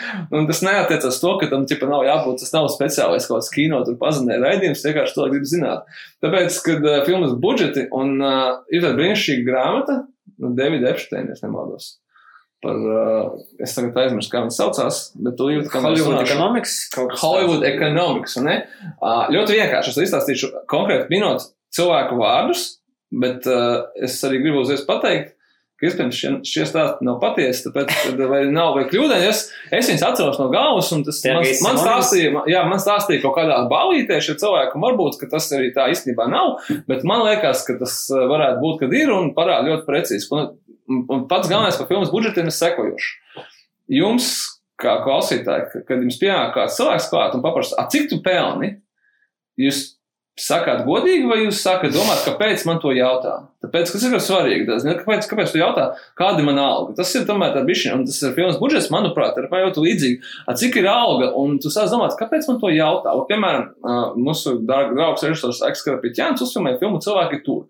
Viņš aizbrauca uz kaut kādu Eiropas kino tirgu, un viņam pateica, ja es nemaldos tagad producents Roberts Vinovskis, varbūt, ka tas tā kā Es saku, es, es tas ir kaut kāds balīts stāsts, bet, bet man liekas, krūts, ka, karoči, ja tev jautā, cik maksāja filma, filma maksā miljonu. Kāpēc? Tāpēc, ka, tieks, ka filma maksā mazāk, tev bija, nu, nevajadīs pie tādiem nopietnākiem cilvēkiem. Tad tu iesi tur kaut kādā tajā bērndāžā, kur tie Tur kaut kādi tie mazie, mazie. Pie tam uz Latviju un uz filmu tas vispār neatiecās. Tāpēc, ka pie mums var uzfilmēt stipri lētāk to, ko ārzemēs, kas maksā desmit reizes dārgāk. Tas neatiecās uz filmas kvalitāti, tas neatiecās uz filmas saturu, tas neatiecās uz kā viņi izskatās, tas attiecās tikai uz to, ka mums maksā lētāk. Nu, droši vien, ka tagad citur kaut kur maksā vēl lētāk, un Holivudas studijas filmē Čehijā, Ungārijā, Serbijā un Kanādā, tāpēc, ka tur ir lētāk. Bet filmas budžets ir miljons. Tāpēc, ka citādi cilvēki padomās kaut ko sliktu, un tu, nu tā.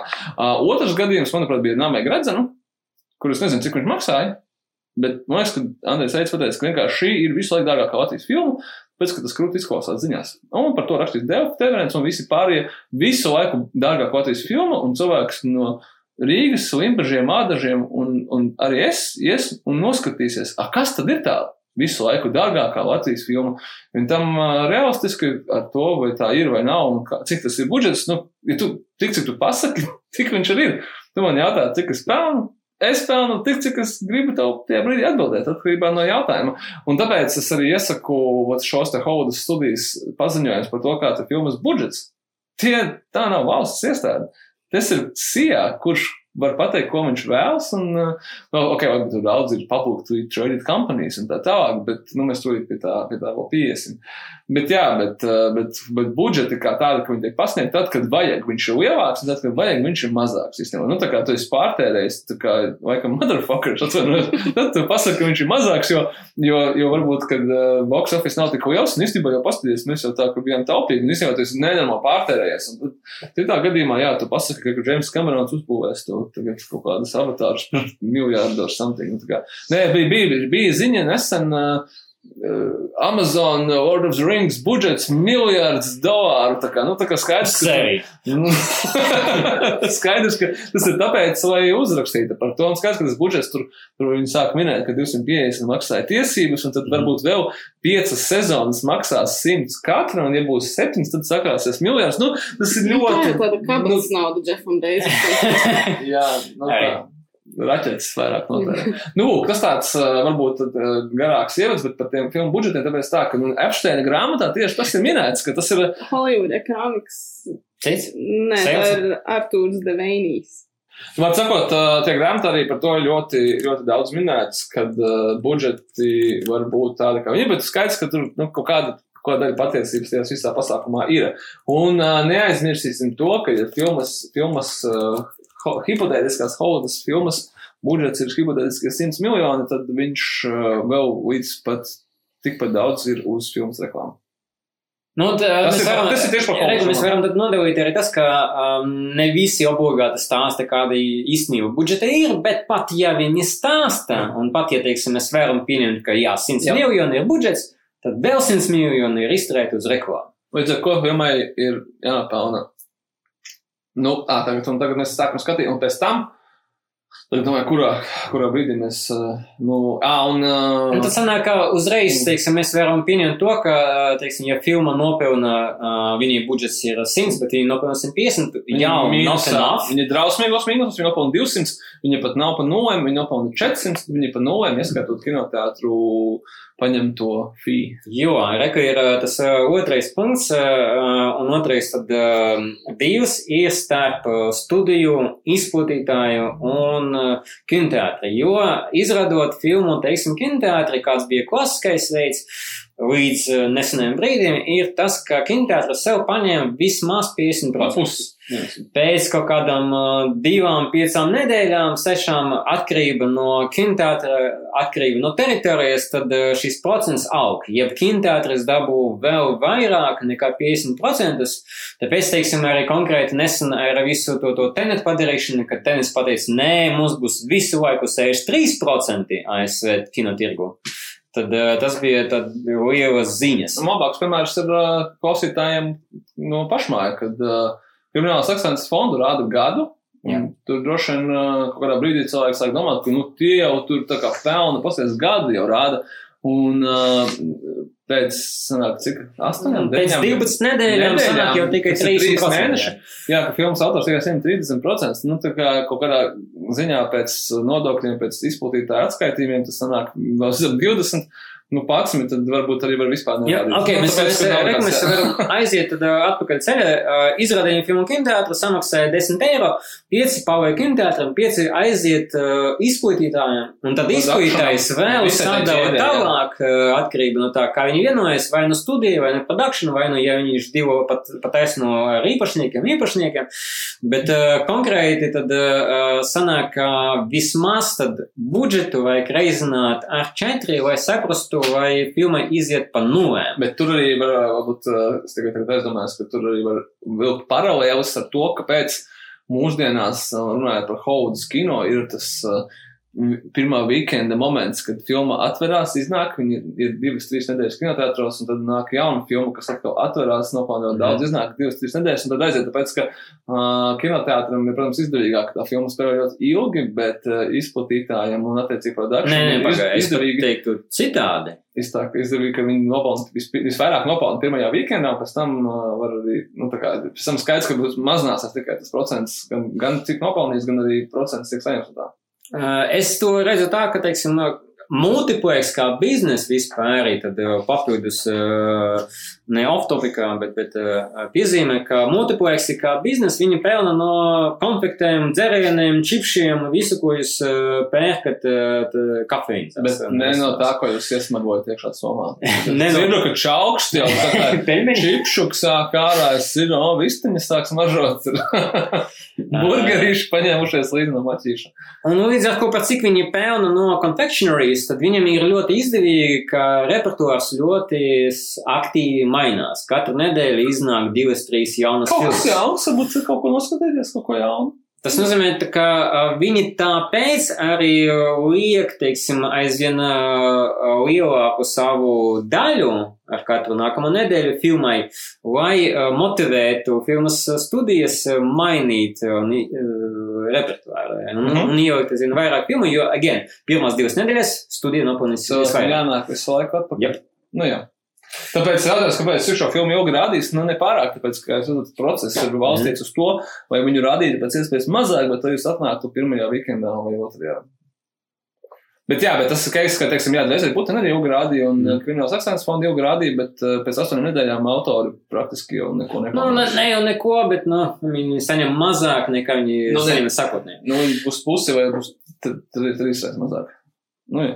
Papildus side story šitam ir tas, ka, ka neskatoties uz to, ka tāds, teiksim, reizinātais ar četri varētu būt maģiskais cipars, teiksim, mēs paņēmām budžetu, sareizinām četri un tad redzam, vai atpilni, nepilni, tad ir vēl side story, ka ir Hollywoodas accounting, Hollywoodas grāmatvedība diezgan jau uh, bedīgi slavē. Uh, es pieminēšu vienu stāstu um, konkrēti par uh, Forrestu Gampu, kur arī likās, ka uh, Ja. ja, Harijs Poters. um, Potteris es. Uh, Nebūs. Um, Tā jā, labi, par Forstu jā. Gampu bija vienkārši konkrēts, interesants case, um, kur uh, budžets bija pie kaut kādiem zem 100 uh, miljoniem, bet filma nopelnīja virs 600 miljoniem pasaulē. Un liekas, tā kā arī reizinot ar 4, nu, viss fine, pareizi filma atpelnīja. Jā. Un tāda bija domājis arī uh, grāmatas autors, kas pārdeva tiesības par 350 tūkstošiem uh, studijai. Tā un bija zināma grāmata. Tā Tā bija zināma grāmata, bet viņš līgumu norādīja ar 350 tūkstoši uh, priekšā, un vēl tur kaut kādi 3% no filmas net tīrajiem ienākumiem. Jā. Vai viņš to 3% redzēja? Nav tāpēc, ka pēc ļoti radošās grāmatvedības viņi beigu beigu saskaitīja, ka, hei, mēs zaudējam naudu.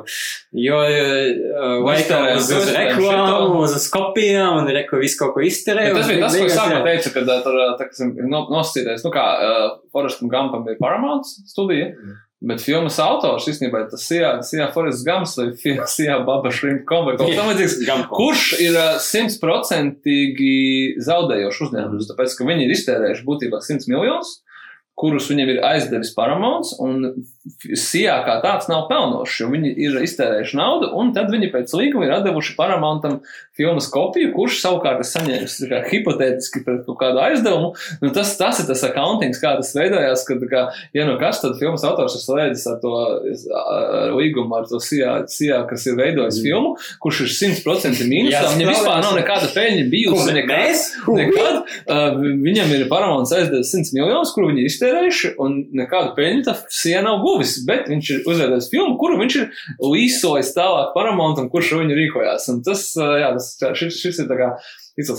Papildus divas jautnes ar uh, Foresta Gampu bija tas, ka, ka konkrēti Zemekis un, Toms Hanks darīja drusku citādi līgumu, jo viņi norādīja, ka viņi dabūs ienākums procentus no filmas pirms atskaitīt tas visas izmaksas, līdz ar ko beigu beigās uh, Hanks nopelnīja kaut kādas 60 miljonus no filmas. Tas ir tāds, es domāju, ka tas pats uh, entertainment lawyers arī Dauniem un arī Tamam Krūzam, kas saņem, nu, tos milzīgos, milzīgos honorārus no procentiem, kas veidojās, teiksim, filmas ir veiksmīgas, bet, nu, skaidrs, ka viņi ņem vispirms un tikai pēc jā, tam. Sākumā mēs, tad arī pēc tam izmaksīs. uh, bet ar to pašu autoru arī viss laimīgi beidzās, tāpēc, ka viņš sākumā mēģināja iesūdzēt tiesā. Uh, bet pēc tam viņi panāca ļoti labu vienošanos, jo vienkārši Paramount nopirka tiesības uz uh, otro daļu, uz otru grāmatu par vairākiem miljoniem. Un autors bija tāds, ok, tad jau neko. Filmu gan viņi neko neuzsumē, līdz ar ko vienkārši.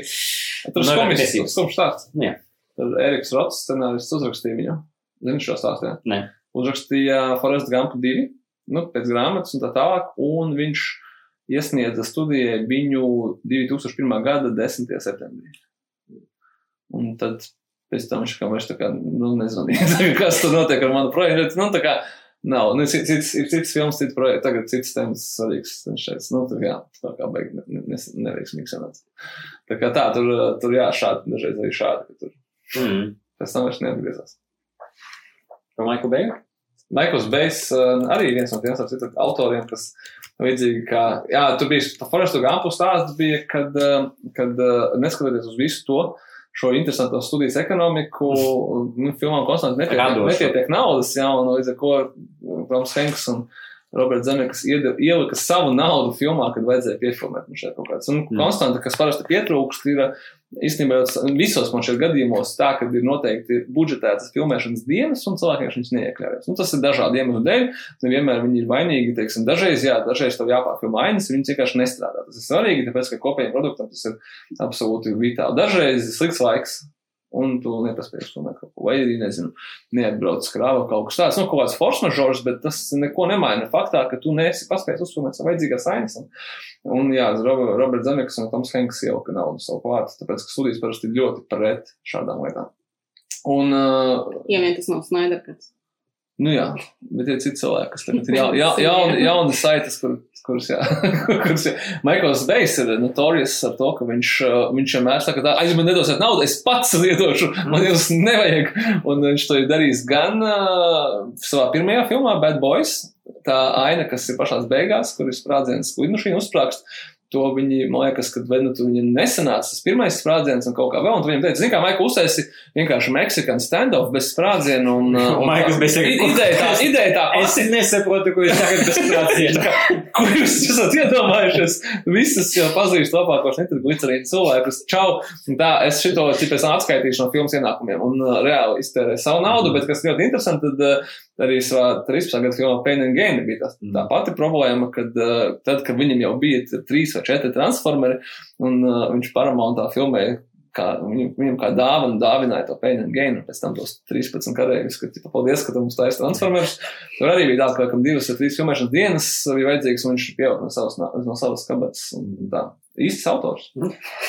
Jā, es nezinu, kamēr es, kamēr, kamēr es stāstīju, es atceros, ka kaut kas, kaut te trigero visu laiku, jā. Jā, kas bija vēl tas tāds viens cilvēks, bet tagad es domāju, mēs runājam par, par Zemekisu un par šito. Nē, nu, tu, Nu, es, es, tu noteikti domā citu cilvēku, bet Kevins Smits arī bieži vien tā kā pievilk Nu, viņš jau- arī viņš jau- savu naudu, un Jā. viņam arī bija interesants case, kur mēs tu runāja, teiksim, par uh, reklāmu, ka budžets ir simts un tad uh, marketings simts, bet, piemēram, case, um, case bija ar Kevinu Smitu un filmu Clerks 2, uh, kur budžets bija 5 miljoni, bet reklāma bija kaut kāda 45 miljoni. Un tad uh, Kevina Smita vispār nesaprata, ok, bet, bet kāpēc filma nopelnīja 25, vajadzētu būt tā, ka viņi atpelnās. Nu, jūs izterējat milzīgu naudu uz reklāmu, kaut arī auditorija, kas atnāk, ir tā auditorija, kuras sēž man parumā vienalga, so es varu viņu uzrunāt tāpat vien. Uh, un tā viņš arī darīja pēc tam ar citām savām filmām, jo viņš, teiksim, ar uh, Tusk un Red State, viņš vienkārši braukāja pa ASV un pats uh, arī izplatīja filmu un pats vāca naudu. Līdz ar ko arī. Es saprotu, novērtēt tā vairāk. Viņš, tas tā baigi dabiņš. Tas nozīmē, ka viņš uh, neterēs uz reklāmu uh, tik lielu naudu vismaz, tas nozīmē, ka arī viņš uh, izgrieza starpniekus un, un case bija tāds, ka viņš Sundance prezentējumā. Jā, jā, es saprotu. Bet tas vienkārši esmu. No, I mean, tas ir interesants. Uh, Sundance viņš prezentēja Red State, un, kā jau minēju, tad festivāls parasti atnāk buyers, un tad skatās filmās, un mēģina tad uztaisīt bidding war un nopirkt filmu. Nu kā, filmu rāda, un pēc ja viņi skatās ne tikai kritiķi, bet skatās arī potenciāli pircēji. Un Kevins Vīts pateica, ok, ja tas bidding war, mēs sāksim arī tikai ļoti akta, ak, atklāti, mēs sāksim uzreiz pēc cenas, vienkārši bidding. Uh, filma beidzās, viņš izrādās uz skatuves uh, un pateica, ok, viens dolārs par šito filmu es pats arī ieteikšu uh, pirmo bid un pārdos man par vienu dolāru. Viss tīra rokas un visi buyers arī tā kā, oh, apvainojas uz Kevinu Smitu un tā sā, sākas arī Kevina Smita kāriņš ar žurnālisti un vēl kaut ko, nu, ar whatever. Kevins karjeras, tāpēc, ka Jā. neviens neizpatīk. Nu, nē, nē, viņš, iz, I mean, viņš izplatīja tās filmas savai auditorijai. un Jā, Viņš tas arī ir vienā pareizi. intervijā pateica, ka, klau, es netaisu uh, jebkuru filmu, es taisu filmas, kas neviens cits neuztaisīs, tāpēc, ka tā ir Kevina Smita filma. Jā, jā, viņa mēģināja holdot šī jau kaut kādā kastītē, un beigās viņš, viņš bija kaut kādās nebūt novators, viņš bija kā savas platformas novators, pirms cilvēki taisīja savas platformas. I mean, uh, mēs varam strīdēties par saturu vai Jā, jā, jā, bet viņam bija savs formas, kas būtībā ir viņa Netflix, kurā viņš izplatīja savus filmus tikai, nu, vai tā viņa platforma. Es atcerējos, mēs nepieskarāmies tā, kā tiek finansētas uh, filmas, teiksim, mēs tagad stāstam par tiem visiem budžetiem, tur 100 miljoni, tas ir, ir krūti interesanti un tā, bet, uh, bet kā tiek finansētas tās atlikušās filmas, tie, ko, ko izplatīja ne, neatkarīgie producenti. tur es nezinu, vai gribu iedzināties, tur kā ko, kā, ko katrs savas. Es atcerējos, kad tu teici Kevins Smits, un Kevins Smits, kad filmēja Klerkus, viņš stāstīja, ka viņš bija aizņēmies visas iespējamos paņēma bankās, ka, nu, ka tās kredītkartes, mm. viņš gājas uz bankomātiem, vienkārši ņēma sārā naudiņu un maksāja savai komandai, nu, tā kā no kred, kredītkartēm. Tas, nu, skaidrs, ka tas aizdevums, bet, nu, tas ir burtiski kredītkarte no bankomāta. Un tieši to pašu darīja filmas boks veidotāji. Nu, Latvijā, cik gadus vēlāk, un tieši tā, kad pietrūka nauda, tad aiziet uz bankomātu un izņem ārā naudu un vienkārši iedod komandai. Līdz ar to tas mums šeit ļoti labi uh, ilustrē to, kā tiek finansētas neatkarīgās filmas. Nu, tu ej uz bankomātu, izņem ārā naudu un samaksā tie cilvēki. Tad tu domā, ko tālāk. Nē, tagad ir, ir protams, arī uh, uh, interesantāki, vieglāki veidi, kad esam crowdfunding un uh, uh, varbūt uzreiz var pieminēt Iron Sky case. Iron Sky case, Iron Sky atsūtījums, uh, pagaist, mums bija divas ziņas. Mums bija divas ziņas par Disney. Jā, Teicu, nu, pieturēsimies arī pēc tam, bet sākumā ar Iron Sky. Viņas ir saistītas, tāpēc, ka uzvarēja ļaunā korporācija. Jā, nu, pat īstenībā mēs vispār šo visu tematu sākām tāpēc, ka mēs uh, sapratām, ka mums ir ātri jāizstāsta mums par distribūciju. Tāpēc, ka visticamākais drīz viņa fundamentāli mainīsies. Un, Nu, viņi tagad jau Ma, mainās. viņi mainās tik ātri, ka mēs tagad neierakstīsim par podkāstu. Viņš nebūs vairs aktuāls pēc kaut kāda brīža. Viņa vienkārši nebūs ļoti daudz no mūsu izstāstītajām lomām. Man šķiet, ka nu, kā, viņas būtiski Mm. mm. īsināsies. Tas gan nav tā kā mainīsies, bet īsināsies. Bet, jā, Disneys paziņoja par to, ka viņi nu, liks lielāku uzsvaru uz traumēšanu, vai whatever that means. Skaidrs, Viņam ka- arī uh, no, no CEO Boba Čapaka tādi uh, argumenti bija. Mēs pamanījām, ka Ka tagad cilvēki cilvēki vairāk skatās, ne, mēs gribam sasniegt cilvēkus, un mēs pamanījām, ka cilvēki skatās tagad vai izvēlas skatīties uh, filmu mājās. Viņi, dude, jā, tāpēc, ka ir Covid, un tāpēc, ka kinoteātri Un ciet, atstāja, un ir tāpēc 60 viņi skatās mājās. Tagad, Tas nav tā kā baigais dedukcijas uh, secinājums, vai ne? Nē, nu, es pieņemu, ka viņš domā, ka tas, mēs jau zinām, ka kinoteātriem ASV ir ļoti slikti iet šobrīd, un ka viņš vienkārši, pieņemu, domā, ka tā situācija arī, teiksim, pat, ja mēs kādā brīdī mm -hmm. nomenedžējam Covid tādā brīdī, ka mēs varam atgriezties pie kaut kādas normālas dzīves, ka tie paradumi cilvēkiem būs Protams. tagad jau mainījušies, ka viņi būs pieraduši svinēties mājās. Viss Nē, nē. Tas nav tikai tāpēc, ka mēs tikko tagad tā pamanījām, ka tas ir. Tā viņš kāda pateica, man nav problēma ar šito. Nē, nē, tas formulējums, formulējums, tas vienmēr ir diezgan unikāls. Es domāju, ka tas ir, tas ir tā, ka viņi ir milzīga korporācija. Nu, vienkārši daudz ir pajautā, nu, kā, ko, tas- ko tas nozīmē, ka mēs tagad liksim lielā, burtiski lielāku uzsvaru uz straumēšanu. Jā. Viņiem jau ir platforma, kurai ir, es gribēju teikt, 60 miljoni, šķiet, ka tagad ir krietni vairāk jau. Tev ir No, Nu, teiksim, dati. 60, pēdējā data bija 60, mēs nezinām, cik Bet tieši. viņi droši vien ļoti auga. Visticamākais ļoti strauji, tā kā es tā minētu. Un, uh, kad viņiem jau viss notiek, viņiem ir viss tur Mēs sanoncēts. runājam par platformu Disney. Plus. Disney pusē, kas ir Latvijā nav pieejama. Un, uh, bet uh, man liekas, ka viss tā relīze bija domāta investoriem, tāpēc, ka, jā, kinoteātriem viss ļoti slikti, Disneyam ir kinoteātros nekā nav, parki ir cieti un nedrīkst būt klusēšana. Un es vienkārši par to pamanīju, pēc, kad biju izlasījis vasarā uh, Boba Aigara grāmatu, kad, nu, ka Iepriekšējais iepriekšējais viņu galvenais boss, Disneys vispār Aigara šajā valdības laikā uh, visvairāk at- atšķirās, manuprāt, ar to, ka viņi īsti nekad beig negaida. Viņi vienmēr tā kā ļoti tieši Aigars atnāk un pasaka, mums būs tas un tas, mums būs tas un tas, nu viņi nevilcinās. Citas Mm. studijas vairāk vilcinās, Disneyam tas, tas Aigara, vadības stils, ka viņš nevilcinās, viņš arī pasaka, ir labi vai ir slikti, ko, teiksim, nopirkām Foxu, iznāca Foxa filmas, viss izgāzās ar X-meniem, Dark Finish, vienkārši iznāca, pateica, Džeki, visi slikti, mēs plānojam ļoti daudz naudas nopelnīt, nopelnījām neko. Nu, tāda, tāda dzīve, jā. Uh, un šis bija domāts uh, investoriem, Mhm. O, Kā ziņā, ka viņi nedrīkstēja klusēt. Nu, ja viss gaida, ko Disneys dara, katru dienu zaudē milzīgu naudu, tā ka parki ir cieti un kinoteātri ir cieti. Un nu, viņi iznāk, kā pasaka, mums būs uzsvars uz streaming. Nu, investori no sevis, nu, vismaz kaut kāda atbilde ir atbilde, ka, nu, skaidrs, ka uh, jūs uh, nevis tā kā gaidām, gaidām, kas būs, bet mēs rīkojamies. Vai tas tiešām tā būs vai nebūs, es nezinu, vai tam ir kaut kāda nozīme, bet viņi vienkārši pateikuši, ka, ot, mē- mēs neko negaidām, mums ir risinājums. Un nu, akcijas izaug pa 5%. Mhm. So, I guess. Te arī jāmin, protams, ka, ka viņi vairākus uh, relīzes jau ielika straumēšanu, līdz ar ko viņi mm. -hmm. kinda arī pamato to, ka viņi, es zinu, ir kaut kāds pamats domās, ka Mhm. viņi arī ies uz to ceļu. Un uh, svarīgi arī saprast, ka, teiksim, ko konkrēti Disney še, šobrīd dara, ja mēs atceramies tad visus tos trīs pilārus, trīs lielos punktus, Jā. kas ir uh, ražotājs un izplatītājs un izradītājs. Visi viņi- cilvēki, kas mums raksta e-pastu, un. Nē, ka, ka šobrīd Disneys tas, ko viņš dara, izlaižot filmu uz Disney plus platformas, viņš vienkārši paņem tos trīs spēlētājus Viņš ir, viņš ir tas pilārs. Viņš gan ražo, gan viņam pieder platforma, kurām viņš rāda viņu.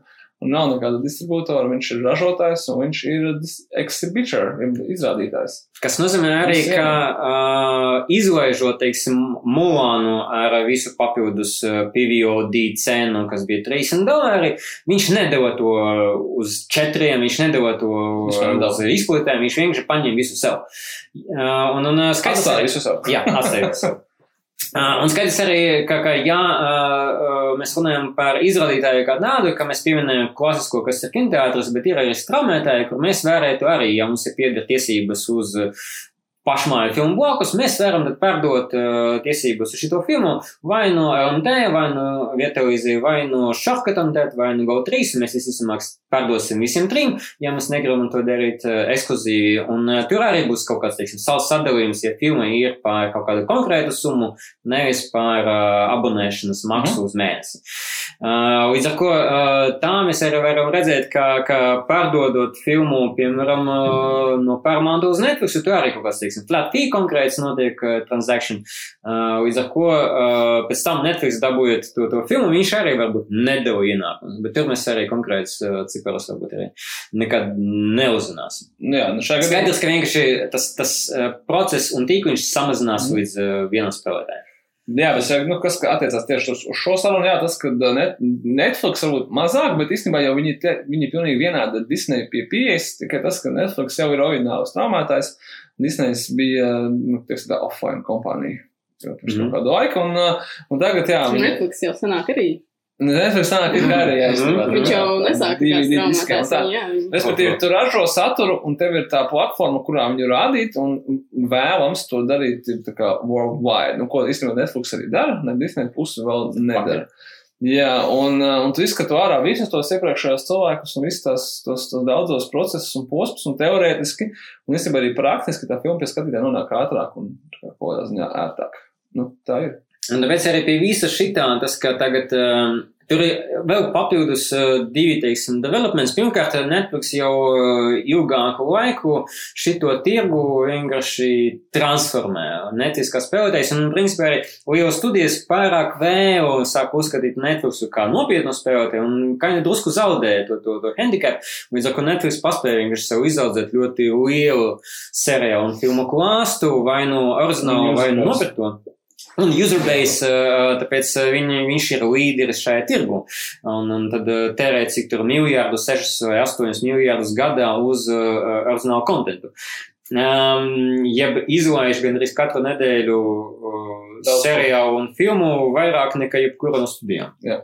Um, bet uh, tas, ko, ko tagad viņi mēģina izdarīt, ir jā, samazināt uh, to, to procesu, samazināt uh, ķedīti uh, un arī uztaisīt jaunu sarunu vai, vai jaunus līgumus kopā ar uh, klasiskajiem izrādēm, jeb kinoteātriem. Un te mēs atgriežamies pie tā, ko mēs jau pieminējām, jeb kinoteātra logu, kas nozīmē, gan, uh, kā kopš filmas izrādes, izlaides kinoteātros, jāpaiet, teiksim, trīs mēneši, līdz filma varētu iznākt uz straumēšanas platformā, uz platformas, vai arī Francijas keisam, tur, kad divi gadi bija, kas absolūti traks uh, skaidrs. Jā, Tas bija ļoti ilgi, tāpēc Netflix ar Kanu pie kinofestivāla arī tas sastādījās. nu, nu, nav nopietni. tad ir skats. Nu, nav nav nopietni domājot par skatītājiem. Nu, ka, ko man? Kā tu vari nerādīt, tā kā tu divus gadus gaidīsi filmu mājās sastīties? Tas Yes. That's, that's fucking weird. French way. Mērķi. Nē, nu tu vari nopirkt Blu-ray. Jā, wow. Paldies. Nu, tas arī tā kā, nu, kāpēc tu vari nopirkt būrē, bet tu nevari straumēt. Nu, Man nav ridiculous. cilvēki, nav kur, nav kur rādīt. Nē, jā. Uh, un, un tas ir uh, viens punkts, jā, ka, ka uh, jau šis mainās, un, un, un uh, mainās kinoteātra logi, un konkrēti Covid bija tas varbūt uh, tāds uh, triggeris, uh, kas to visu pātrināja, un tad mēs uh, dzirdējām pirmo arī to, to divu, kur loks ir uh, saistināts līdz 17 dienām starp studiju Universal un kinoteātriem AMC, kas nozīmē, ka pēc 17 dienām studiju Universal var likt savu filmu uz uh, savas uh, straumēšanas platformas Peacock, vai arī pārdot citam straumētājam, teiksim, Netflixam, ja viņi ļoti gribētu. Um, un tādējādi arī uh, kapitalizēt uz tikko reklāmas kampaņu, ko viņi izturēja to milzīgo pīci. Mhm. Plus arī varbūt uh, pārstāt uh, vai, vai drīzāk izlaist uh, uz uh, VOD vai transactional VOD, kas ir kā, kad tu maksā uh, kaut kādu konkrētu summu par skatīšanas reizi. Uh, izlaist pirms, teiksim, kinoteātros sāka, sākas tā dalīšana, kur tu dabū tikai 30%. Jā, tam mums ieteicis arī viens no Latvijas producentiem, es jau tagad neminēšu vārdu, kad, kad parāda kinoteātri jau līdz 8 nedēļai, tad ņem ārā.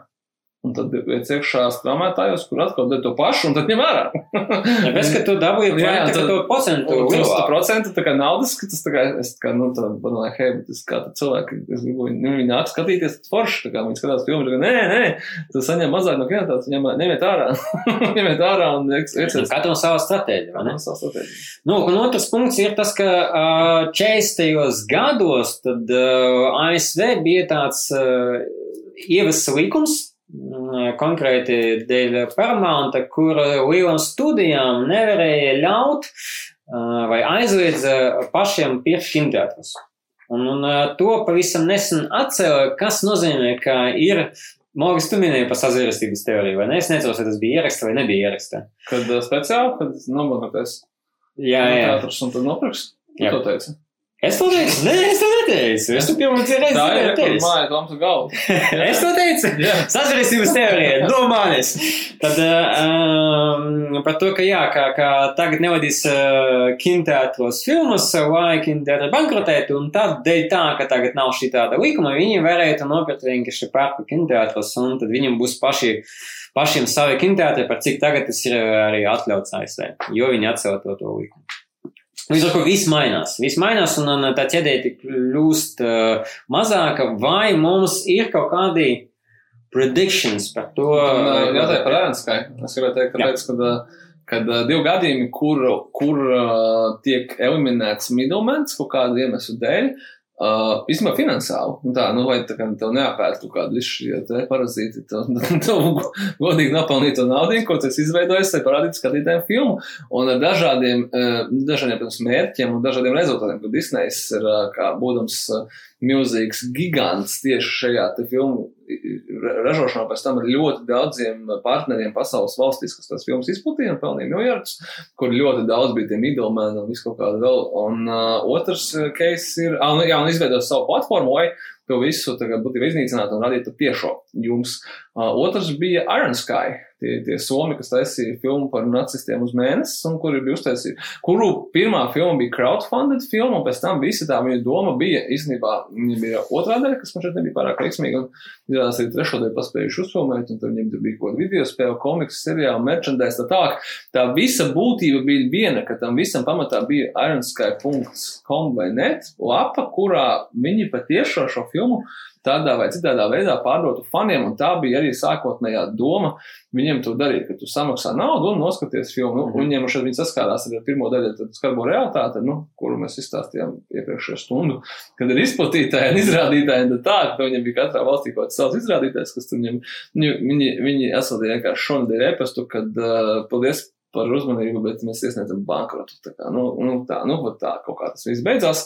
Bet viņu ideja bija tieši tāda pati. Viņi gribēja izņemt ārā midumā, viņi gribēja patiešo pārdot saviem faniem. Es padomāju, ka varbūt, ka viņiem vajadzēja Kevinu Smitu atrast, paprasīt, kā tad tur. Es domāju, ka viņš labprāt uzfilmē trešo daļu Iron Sky. Vai vienkārši padot to piemēru, kā var monetizēt savu auditoriju tā, ka tas tiešām actually strādā. Bet, nu, jā, jā, bāze viņš Kevinu Smitu ir daudz spošākas. Kumīgāk par to Sky. Nu, jā nebija naudas. Jā. Bet var nopirkt, kas viņi var kamēr bankrota iesniegt, bet var nopirkt. Bet tas, tas, ko mēs šobrīd skatāmies un, un redzam, ka nu, visticamāk, kinoteātri viņi kā tādi paliks. Vai uh, viņi visi atversies pēc Covid krīzes, pēc uh, Covid pandēmijas uh, atpakaļ, to laikam nevar tā gluži pateikt. Man, mainīsies tas, kā mēs viņus uztversim. Jo es nezinu, vai, vai jau ievietoju eju uz, piemēram, mm. jauno Rīgas teātri, vienkārši nosēst divas stundas, nu diez vai tur ir daudz iemeslu, kāpēc to nedara. Nav tik daudz izrādes un uh, maksā naudu. Un... Nē, uz jauno teātri un Hermans nepatīk. nu, labi. Nē, nu, labi, savu. Nu, Nē, cik es man liekas, ir svarīgs jautājums tikai, vai kinoteātri atvērsies, vai uz viņiem kāds arī nāks, jo tas, tas ko es teicu, ka cilvēkiem skatīšanās, skatīšanās paradumi būs mainījušies. Man liekas, es domāju, ka ilgu laiku vēl daudziem būs diezgan bail, kamēr nāks kinoteātri. Tā, ka viņi var būt vaļā, bet Tas nenozīmē, ka viņi izdzīvo. Nāc uz ko? Uz ko tu nāc? Tas noteikti būs tas events. Un tas man šeit, tas, es tā ticu, ka tas neizbēgami būs. Nu, nē, vienkārši tā kā nav ko darīt, divas stundas, tieši kaut ko nostušos, ir kaut ko rādu, kaut kā tādu, tad laika. Mm, tas, tad kā vēl jau sliktāk, ko mēs esam runājuši tādām nemilzīgajām filmām, tādām vidējā budžeta kurām jau tā iet grūtāk. Un tagad visticamāk ies vēl grūtāk. Bet, jā, bet par to tev taisnība, kad uh, es biju parādījis uh, čomam, kurš ir vienkāršais kino skatītājs, to Mel Gibsona un Franka Grilo boss level traileri. Viņš man teica, o, krūta filma, visās ir traki. Šito varētu mājās nostīties normāli rauņus tā. Zini, kā tā taisnība ir? Nav nekāda iemesla, kāpēc tev nebūtu taisnība. Kad, vai šis būs lielais events, kuru tu iesi skatīties uz kinoteātri, brauks ar mašīnu, tur kaut ko, ai, es tev ir taisnība. Jā, Un cilvēki skatīsies un, uh, un domāju, izvēlēsies kaut ko kategorijas filmas, ko viņi dara tagad jau, kad būs mm. piemācījis pandēmija, ka šito var arī mājās noskatīties. Viņi spēlē, nu, krūt. Tā problēma, ka tas vai, tas, vai var mājās noskatīties, ir ļoti subjektīvi, jo joprojām sāp tas case, kad, kad uh, aprakstīja filmu Gravity, un tad komentāros uzjūtāja pakaļ, bet, nu, viņi gan jau, kur viņi tikai ir vērts uz kinoteātri iet, un atbildi bija, ka, nu, viņi tur dažas ainas ir kosmosā, bet tās ir, ā, var ir mēs. Nu, tie kaut kādi, ne mūsu cilvēki. Nē, ne mūsu, jā, bet, nu, uh, punkts vienkārši absolūti uh, precīzi, ka visticamāk, ka tas, ko mēs sagaidīsim kinoteātros, ir lieli blockbusteri, un jo, ja mēs, ja mēs jau tagad likās, jā, jā, mums tagad likās, ka pārsvarā tur ir supervaru, bet īstenībā nē, īstenībā īstenībā tur bija arī, kā jau mēs minējām, mēs arī The Lighthouse paspējām parādīt, uh, vismaz piecus vai pat uh, vairāk. Uh, Tas patiesi, manuprāt, arī īstenībā, ja būs Lighthouse 2, nu, hipotētiski. uh, tā ir actually event filma priekš tās viņa autorijas, kas nāks viņu skatīties, bet vairāk cietīt tādas filmas, kur tu aizēji, kur tu īsti nevari pateikt, kad, uh, kad nu, šito obligāti vajadzēja iet skatīties. Un tā kā es noskatījos to uh, pirms pārniem aģenti Evu. Nu, kāda, nu, nu, nu ko, nu, tās Tādas filmas iznāks uzreiz. Tieši tā, viņām tur arī, arī varbūt viņi labāk patiks tur. Nē, nē, iespējams, arī tur ir arī konkrēti case par to, ka uh, iznākot arī tāda, piemēram, ja filmai uh, uh, ir uh, vidējs budžets, ja filmai ir uh, neatkarīgais producents un, un, un tad neatkarīgais izpildītājs izdomā vai pirkt vai nepirkt filmu, Tad, kad Netflix viņu nopērk, tad viņi actually izrāda arī uh, visu pasauli. Jeb uh, mēs mums ir iespēja noskatīties, teiksim, Good Time vai Uncut Gems. Un ja Uncut Gems būtu. Ir rādīja arī. Jā, Good Time arī rādīja Nu, piedošanos. nav bet, uh. Bet, uh, ja Uncut Gems uh, iznāktu tradicionāli ceļā, mēs visticamāk uh, varbūt neredzējām. Jeremijas Sanjē jaunā filma, pēdējā filma pasaka, tā gan labāks piemērs. Viņa tiešām iznāca uzreiz visā pasaulē. Jā. Kā viņas saucās? Hold the Door. Jā, nu tā, es nedomāju, ka mēs viņu būtu ieraudzījuši Latvijas kinotētos. Jā. Vispār, nu, diezgan garantēti, ka viņas nebūtu bijis pārāk specifiski tumšs un tā tālāk. Bet tas viņai ļoti labi. Bet tagad viņa iznāca Netflixā un mēs noskatījāmies viņu pirmā weekendā. Yep. So, uh, tas arī ir uh, valsts. Vienīgi redzēt problēma šobrīd ir tīri, um, laikam, konservatīvajā Holivudā, kur uh, kaut kas slēdz durvis straumētēm, konkrēti slēdz durvis Netflixam, uh, jeb ka, vai nu tas ir dēļ uh, kaut kādiem tādiem ļoti mm, veciem uzskatiem par to, kādiem jābūt kinoteātru logam, un tad uh, nepiekrišanai tam, ka tas logs samazinās, jo, teiksim, ja kinoteātriem šobrīd nav ko radīt, tāpēc, ka neiznāk blockbusteri, viņi labprāt varētu slēgt līgumu ar to pašu Netflix un radīt arī viņu filmas. To mēs pieminējam. Bet cits, Mhm. teiksim, ir konkrēti ar, uh, man patika, uh, svaiga ziņas bija par um, Oskariem, ka viņi tagad ļauj filmam, kas uh, prezentējās uh, Drive-in kinoteātros ASV, arī kandidēt uz, uz uh, nomināciju. Jo par, parasti, kā uh, kandidēšana notiek, ja tev vajag parādīt uh, vismaz tur nedēļu vai divas uh, Los Angeles County vai Ņujorkas štatā uh, kinoteātros un vismaz tur jābūt trim Tur sēnēm nav dienā. man liekas, par to Sandros un tur vienkārši parasti tā sanāk. Tas, Nē, nē, tur bija konkrēti uh, jā. štādi, jā, tur vajadzēja vai no Losandželsa, vai no Ņujorkā, uh, vai no, varbūt tas jāsaka, varbūt tikai Losandželsa. Tev vajag parādīt vismaz kaut Es atceros to skaitu, jā, to skaitu, arī, teiksim, tur kaut kāds films iznāk 25. decembrī, tāpēc, kad, nu, es neskatās, un, nu, 917, piemēram, iznāca, un uh, viņa revīzija bija tikai janvārī, bet, nu, skaidrs, ka tik mums vajag paspēt, paspēt. Un viņi izlaiž uz vienu nedēļu, Jā, teiksim, uh, Ņujorkā, reku ček, uh, tad mēs tieši tā. pasēties. Un, Es nezinu, tad- tas konkrēti Ņujorka un Sanžos, domāju, ka tas konkrēts skaits vienkārši, Mm. kur Nē, man jāizmanto. liekas, tur bija kaut kāds. Jā, tie bija konkrēti. Tas nebija tā, ka kaut kādā Misūrī mazpilsētā Nu. nu, nedēļu pēdiņās Nē, tas parādīt. konkrēti Losandželos, Ņujorkā, un tagad ar Drive viņi ļauj vairāk, uh, vairākas lokācijas, bet uh, vienalga fakts paliek tas, ka ar Drive tu arī tad korsēs. Un papildus viņiem bija tad Covid laika, pateica, ka jā, jums, kā production studijai, bija paredzēts kinoteātra izrādīšana, bet jūs tagad izlaidat uh, uz straumētēm, tad mēs arī uzskatām, ka kvalifikācija. Man liekas, ka Bet- tā Nikolasa Keidža filma Jiu-Jitsu noteikti bija paredzēta iznākšanai. Vienkārši, nu, nesanāk. Tagad Nesanāca, jā. bija simt punktu paredzēts. Nikolas Keidžs pats atbildēs par to. Kas nozīmē, ka filma, ja, filma ka- kas iznāk draivenos, kur nav tā labāka kvalitāte, kā skatīties filmas, kvalificējas, bet filma, kas iznāk, teiksim, tikai Netflixā, wow, bad luck. Tu neesi tad uh, kārtīga filmā, un tu neesi filma, kuru mēs uzskatīsim, ka vai, varētu nominēt uh, uz uz Nu, galvenu šis balvu. ir tas, ir- nu, tas, es, Tas ir viedoklis. Tā filma ir filma, un viņi var hostēt, kā viņi izfilmoja filmetrāžu filmu, nevis tipa Pagaidiet, straumēšanā. bet uh, viņi, viņi savulaik pateica, tad, kad pārcēla Oskars, ka viņi atļaus kandidēt arī filmām, kurām tā kā bija domā. Jā, jā, Jā, jā, domāts, jā, nozīmē. paredzēt revīzi. Bet tas joprojām ir. Bet kā, kā viņi, jā, tas ir, protams, spēka, bet kā Kā tieši to pierādīt, var jau pateikt, ka nē, mēs. Es jau gandrīz aizsūtīju, es Jā, jau jā. gandrīz aizsūtīju, bet es domāju, ka viņam kaut kāda līguma. Es vienkārši vairāk man šeit bija tas case par to, ka vienkārši tas, uh, šis konkrētais Oskaru temats, kurš mums te katru nedēļu uzpeld, viņš vienkārši jūk un brūk, jo pareizi, kā tad mēs tagad klasificēsim, uh, ka viņi bija kā labāko dokumentālu filmu iesnieguši to O.J. Simpsonu. Bet viņi rādīja kinoteātros, viņi sagraizīja mazāk. Jā, jā. Jā. Nē, nu, teiksim, vai vai Aleks Gibnija, kuram laikam varbūt nebija. Nē, nu, protams, ka nebija. Viņam, eh, Aleksam Gibnijam iznāk jauna dokumentāla filma, kas saucas Totally Under Control, kura ir izveidota Covid laika par Covid. Jā? Tukšos skatos parādīs, gan jau visu savu. Kvalificēsies. Nē, zini, tur man liekas, tas jautājums tad ir uh, par to straumēšanu. Ja tu rādi tikai straumē, tad jautājums, tu vari kandidēt Oskaros vai Emīros. Ai, nu, nu, nē. Nē, tas, nē, tas ir normāls jautājums, tu vari tā kā abos līst iekšā šajā brīdī. Tad. Jo straumētāji tikai ar tādiem straumēšanas produktiem ka- tēmijos, jo, teiksim, HBO nopirka to Bad Education filmu ar Hugh Jackmanu, un tā jau Emijos gan, viņa bija nominēta Hugh Jackmans Tas, ietāja tas, filmu. ir, tas ir tas absurds, ka tu nevari, kā filma ir filma, bet atskaros nevi, tēmi. Nu, Nē, nu, Emijs jau tādā, viņš jau stāv vienā plauktā ar Oskaru, tādā, nu, prestižu ziņā, tas ir TV Oskars. jā, Bet, uh, bet tas, tad- kas tomēr būs. Nu, viņš ir pazīstamāk uh, Nu, jā, jā, jā, bet, nu, tāda, teiksim, īgotā, tā saucamajā, Domāju, ja Emijs, uh, Gremijs, Oskars un Tonijs. Tur ir uh, gan Emīls, gan Oskars.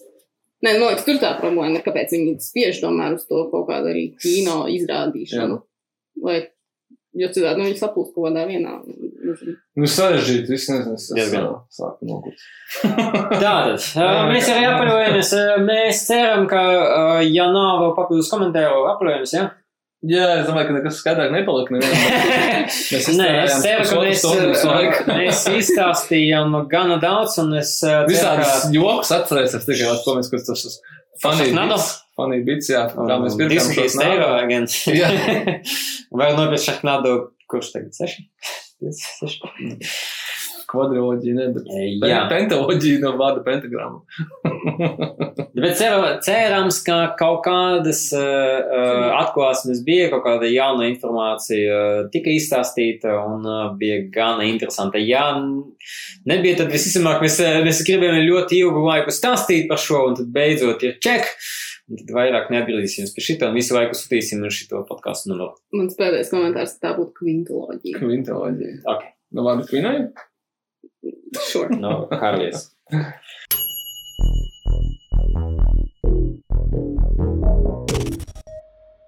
Līva Sergei, ko jūs esat noskatījušies šajā nedēļā? Es, es pieņemu, jā. Jā, jā. uh, es uh, noskatījos pagājušās nedēļas jaunumu, uh, The Haunting of Bly Manor. Visu? Jā. Un? Viņš ir tāds ļoti ātrs skatāms seriāls. Viņam ir tikai deviņas sērijas. Mhm. Tikai 9 sēdīs pa stundai. Nē, nu, tas okay. Ok. tā normāli. Uh, viņš, uh, ko jau mēs pagājušajā nedēļā stāstījām, tas ir, uh, nu, tas nav turpinājums, bet tas ir tā kā antoloģijas otrā mm. daļa The Haunting of uh, šausmu stāstiem. Pirmā bija ļoti veiksmīgā Netflix, uh, ne, pirmā sezona The Haunting of Hill House, un tad viņiem tik labi gāja, ka teica, taisiet vēl. Un tad viņi arī taisīs vēl. Cepiet augšā. Tieši tā, un uh, tad uh, otrais turpinājums, nu, ne turpinājums, atkal nepareizi saku, pat visu laiku sevi tā kā pārtraucu. uh, bet uh, otrais stāsts ir uh, The Haunting of Bly Manor, kas ir uh, Henry James uh, novelas stāsta. Es pat nezinu, kā viņu klas- klasificē, kā viņu latviešu pareizi sauc, novela. Tas ir kaut kas tā kā starp stāstu, starp romānu. Man liekas, viņš nav tik garš kā romāns, bet viņš nav arī gluži Mhm. kā stāstījums. Es nezinu. Bet uh, Henry James ir tāda diezgan slavena darba, The Turn of the Screw, kurš stāsts ir par uh, augli, kas dodas uz tādu vientuļu mūžu Anglijā, pieskatīt divus bērnus. Nu, viņi ir tāda 24-7 augla, au pair, tā saucamā, mm -hmm. kur viņi tad viņus māca. Bērniem ir gājuši bojā abi vecāki, viņu to augli nolīdis tēvocis, kurš pats īpaši tā ne, neuzrodās un tāds svešs un tāds, tāds negribīgs savos vecāku pienākumos tagad. Un tad, surprise, surprise, tajā mūžā spokojas. Un uh, varbūt, varbūt nē, tie bērni ir tā kā puzes. Nu, nevar saprast, kas tur notiek. Visādi nav vēl vecāks. Nu, tas nav nestāstīšu, kas tur notiek. Tas ir tā kā filma The Babysitter. es neesmu redzējis filmu, bet beigās ir. Tāda Netflix filma. Un, ja ir otrādi, arī to neskaties. Nu, labi. nu, lūk, un jā, kaut kādā mērā ļoti līdzīgs šis seriāls ir tai pirmajai daļai, The Haunting of Hill House, jo, nu, pirmkārt, veidotājs tas pats Maiks Lanagans, kuru mēs zinām arī no Doctor Sleep, Oculus un uh, Gerald's Game. Gerald Game, kas arī Netflixā. viņam bija tāds, no, sanāk, kurš tā kā, ah, tas arī Maiks Lanagans. Arī pēc, arī pēc Stephen Kinga. Jā. Un uh, viņam arī ļoti daudz aktieru no Honey Kilhouse ir arī šajā. Viņš tur tā forša kompānija atradis un tad izpaužas. Un, uh, jā, man kopumā ļoti, ļoti patika. Es zinu, ka daudziem, nu, es domāju, viņi no tā nevar izbēgt, ka cilvēks salīdzinās to pirmo seriālu un otro seriālu. Es sevišķi tie nosaukumi vēl ir tik līdzīgi un visi aktieri tie paši un tā tālāk. Tad, nu, gribot, negribot, cilvēku daba ir tāda, ka tu salīdzināsi. Un kaut kādā mērā droši vien es varu saprast tos, kas saka, ka šī otrā nav vairs tik spēcīga kā pirmā, jo pirmā bija ļoti emocionāli. Pārsteidzoši spēcīga. Tā nav tikai šausmu filma, tā patiesībā vairāk ir drāma par tādu tiešām salauztu ģimeni, kura tad cenšas tikt galā ar tām savām bēdām, un tad, nu, plus tad tur vēl ir spoki. Ah, es domājis, ka Ves Andersons, Ves Andersons, ah, spogi, ok, tad normāli. Nē, nu, tad tur ir spoki vēl klāt. Un tad ā, šajā otrajā ir tāds atkal tās tematiskās līdzības. Flanaganam visas filmas praktiski ir ļoti līdzīgas patiesībā. Skaties, es sevišķi, teiksim, ja nosties Mm. The Haunting of Hill House un Oculus. No Oculus bija pirmā, un pēc tam viņam bija Hill House. Tad tādas paralēlas var vilkt, ka pilnīgi, nu, tā ļoti savādi ir skatīties to filmu pēc tam. Tad es uzsumēju to, to ļoti citādu. Un tad Dr. Sleep, kurā arī ir atkal vietas, un tur arī Steve Dr. Sleep arī ir ā, tie aktieri no The Haunting of Hill House. Teiksim, ā, tur, ā, tā meidenīte parādījās un kaut kas vēl bija. Bet uh, šeit arī, jā, atkal ir tās kaut kādas paralēlas, kas viņam ir tās tematiskās, tās salauztās ģimenes, salauztie cilvēki, kas tās traumas bērnības un ne tikai bērnības un kā viņas tur pēc tam vajā. Bet te ir atkal kaut kādas citas nianses, kas man likās interesantas, jo te viņš runā ne tik daudz varbūt tieši par ģimenēm, bet par tādiem vairāk par tiem par tām atrastajām ģimenēm, tādas nevis ģimenes, kurās tu piedzimsti, bet ģimenes, kuras tu pats izveido Mm. pēc tam sev, ka tu atrod tos citus cilvēkus kaut kādus, kas varbūt tikpat salauzti kā tu, bet ka tu, ka tu, ka tu, ka tu vari atrast sev. Kāpēc tu tās maini, Sergei? Reiz Skywalker.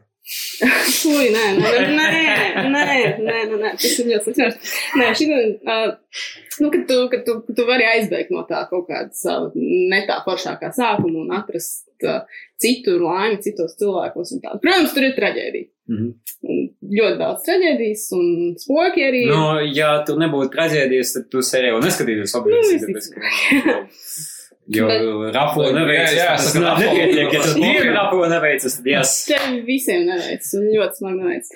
Bet, uh, jā, kopumā man likās ļoti spēcīgi. Nu, viņa varbūt ir mazāk spocīga nekā pirmā filma. Tur skaitlis laikam mazāk tos pokus sanāk, un tādu jumpscare momentu nav ļoti Ko daudz. apmērs uz rantājumu nav tik liels. jā, Labi, ka Netflix abonents nevajag. tā kopējā sajūta man tā likās tāda nu, ļoti nekomfortabla un mm. kaut kā, nu, tā atmosfēra man joprojām ļoti strādāja. Tie emocionāli momenti arī nostrādāja. Tā kopumā es biju ļoti apmierināta ar to, ko es redzēju. Es Mhm. tiešām iesaku pamēģināt šīs abas daļas uh, noskatīties.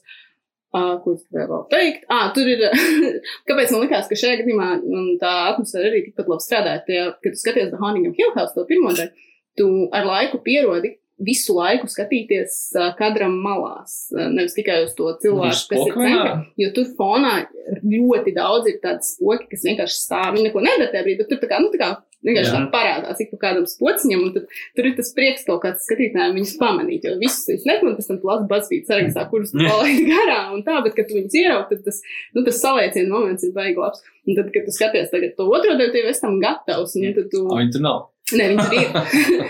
un, bet tu visu laiku skaties tādā spriedzē gandrīz. Un Mhm. viņš arī, nu, Planagans ir ļoti viltīgi to visu, tur tā, nu, tikai Planagans vispārējā režisori kas viņam piedalījās, ir safilmējuši arī tā, ka viņi aicina tevi to darīt. Nu, ka tur ļoti daudz ir tāds tukšas telpas kadros bieži vien, ka viņi tikai grib, lai tu skaties. Mhm. Tur, re, tur ļoti daudz arī tādu tukši vienkārši tie stūri nav tā, ka tur katrā stūrī tiešām stāv kaut kāds krīpī mazs bērniņš. Bet, uh, bet tad atkal viņi tur ir, un tad viņš izlaitās kā arī aicina lūkoties, un tur ir kaut kāds tas spriedzes moments, un arī tāds atklājēji prieks, es nezinu, kā to nosaukt. Bet, uh, bet jā, nu viņš tāds um, diezgan pārdomāts šie stāsti, viņi nav tādi, tādi lētie, kā tas jumpscares, Mhm. vienkārši viņš spiež vairāk tur uz to tādu emocionālo. Un, Man liekas, tas ļoti labi strādā. Tiešām iesaku.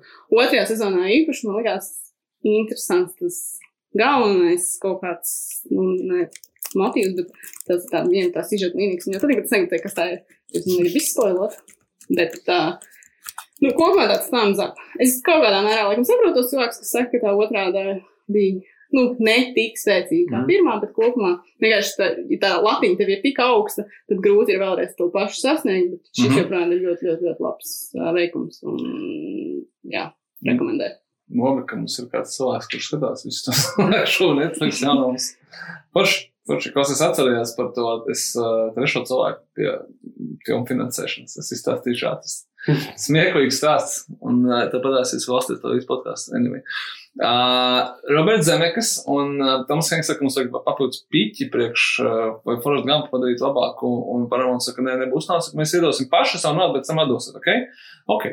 Uh, Maikls Bēs saka, man vajag papildus piķis sprādieniem priekš Bad Boys, un tur es nezinu, kas viņam bija vajadzīgs Pain and Gain. Uh, Paramount saka, nē, ne, Narkotika. nebūs narkotikas, jā, sev.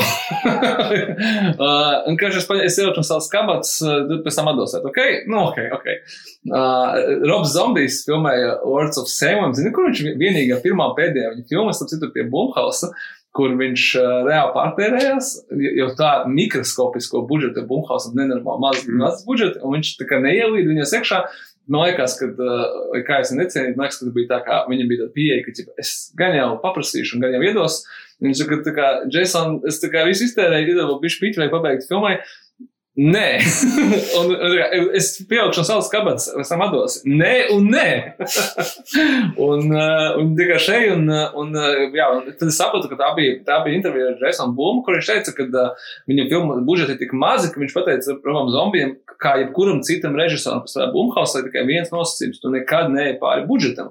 Ja tu esi safilmējis un, uh, un tev vajag vēl, viņš saka, es to filmu vienkārši ieaugšu kastē un viņas nebūs. Nē, tieši tā, tas tā viņa pieeja, viņa vienkārši neiznāks un, nu, būs, nu, norakstīsim zaudējumus. Mm. Uh, tā kā vai nu atrod naudu un pabeidz pats, vai nu es norakstu filmu zaudējumus, nu, man viņas diezgan daudz ir, tā kā, nu, nu tā gadās dzīvē. Un tad uh, Rob Zombijs, tā kā Rob Zombijs nav Michaels Bejs nefilmē Aerosmita video un viņam nepiedod daļas Victoria's Secret. viņam ir tikai daļas White Zombie albumos, kas, sakam, nestrīmo tik labi, viņš naudu neatrada un atrisināja šo jautājumu ar animāciju. Tāpēc. Seven ir viena no viņa sliktākajām filmām. Viņi just don't make any sense. Un tieši tāpēc, ka viņš vienkārši nepaspēja sapilnēt daļas, kuras, kurām bija paredzēts izskaidrot, kas filmā notiek. Oh, Nu, well. vot tāds ir neatkarīgo kino stāsts. Jā, Es uh, noskatījos Matrixu mūsu seansā. jā. Un uh, nu, man bija beigais plāns, gribēju atkal jūs pārsteigt ar kaut kādām listu filmām, kuras es noskatīšos, un noskatījos ne- nevienu no tām, kas spēlē Xbox. Nu, tā kā es beig, nekāda beigas stresēja nedēļa bija, bet es noskatījos, es domāju, ka es sevi nomierināšu ar kādu filmu, un uh, es esmu jau to teicis, eh, šogad podkāstā dušiem teikšu arī vēl, es sev esmu norakstījis šo gadu, kā gadu, kur es skatos uh, filmas, kuras esmu jau redzējis, viņas ir komfortablas, un uh, es nepārdzīvoju, ka tas nav kaut kas jauns. Iegūms, es skatos to, kas man kas ir pati, patīk vai paticis kādreiz. ka, piemēram, filmā ar brīnišķīgu aktrisi Ketrīnu Hīgu. Twenty-seven dresses. Nē, up. nē. Viņai, viņai, viņai ir tēva meita, un Antoni. ir ļoti slavens tēvs tajā filmā. Nē, Ketrīna Hīga un viņas tēva tēvoja Stevens Sigals. Tāpēc, ka tā bija īstenībā Stevens Sigals filma, uh, kur uh, es atceros, ka uh, viņa nav, viņa ir bijusi švakāka nekā pirmā daļa, bet arī baigi ok. Un, uh, un tad es, es pirms miega domāju, ka jāskatās tikai tāpēc, ka trigger, nu, gāju cauri Amazon Prime piedāvājumu un saka, o, šito. Nu, ne jau tā, ka es sen esmu gribējis noskatīties. Īstenībā es neesmu gribējis noskatīties, bet uh, kaut kā tā sanāca. Domāju, nu, tāpēc es neko iedzīgu. Es ar šo, ka šonakt neiesākšu. Un tā ir filma Under Siege 2 Dark Territory, kas ir sequels filmai Under Siege, kur, kur viņa, kas ir īstenībā šeit pelnošākā sequel filma. Kura, Keisijs Raibeks. The Niko uh, daļa te ir? Niko 6. Ot, Es, ne, es nemācīšu pateikt, vairs, kā viņš skaitījās. Nē, man šeit ka tā bija kaut kur 7, 8 kaut kas tāds. Jā, jā Niko, Niko kategorijā. Bet nē, viņai ir uh, režisors Andrew Davis, kas ir uh, diezgan, nu, tas es redzējuši. Nikols Kuģa. Tā pateicis. Vajadzēja sākt so Nikols Kuģa, viņas turpinājums Nikols Vilciens. un, uh, man liekas, vienkārši skaties, bija to Andrs Sīšs divs, ka nu, kā viņa filma, ne, viņa nenormāli kopē cieto riekstu divi. Tad, ko, es nezinu, it kā viņai vajadzētu kopēt cieto riekstu, tāpēc, ka visas šīs filmas ir uh, kloni, tā kā, nu, kaut kas, tikai nevis mājā, bet uz kuģa Mhm. vilcienā. tā Un idejas, ka tu kopē to labāko daļu, pirmo daļu. Bet šī neskapēc kopē tieši otro daļu, kas, ja atceramies, cēlēs rieks divi, tas ir tas pats, kas pirmā daļa tikai, nu, nu lidostā. lielam. Nu, kaina, kaina, kaina, jā, bet viņš to ekspandēja. Nu, šeit arī viņi to, un, un kad es redzu, ka tajā tur ir aina, kur tie ļaunie teroristi ieskrien iekšā tajā vilcienā un sāk viņu ieņemt, un es redzu, ka visas tās sejas ir tie ir cilvēki no cietā rieksta, komando. Plēsot, sakam, nē, kaut kādiem vēl, nu, tā kā visas tās sejas tik pazīstams, tie tie 90. gadu teroristi, tās, tās, nu, tā kā tie cilvēki, kuriem tas darbiņš tāds ir.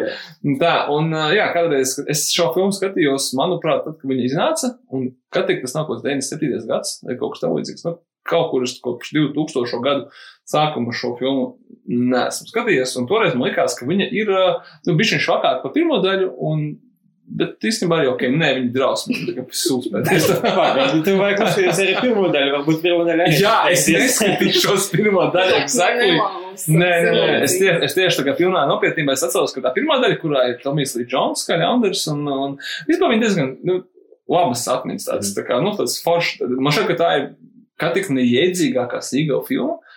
No visām varētu būt, ka viņi ir liela budžeta grāvējs, kas ir uh, normāli uzņemts, kraftmanšība līmenī. Un, uh, un jā, un es neskatīšu, paldies. Ko viņš bija kuk?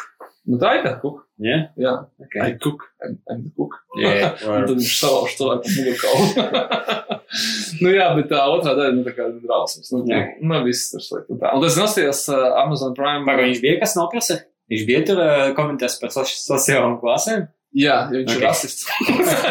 tur ir, tur ir smieklīgais manādānais Džeks, kuru vienīgais uzdevums filmā ir būt tā kā funny black guy, un, un viņš viņu nosauc par N-wordā, kāpēc. Nu, es tā kā, tu skaties, domā, kāpēc? Tad izklausās tā tipiski 90. Jā, tā kā, nu, tā kā so bad, tā kā, Bet ka arī tad bija.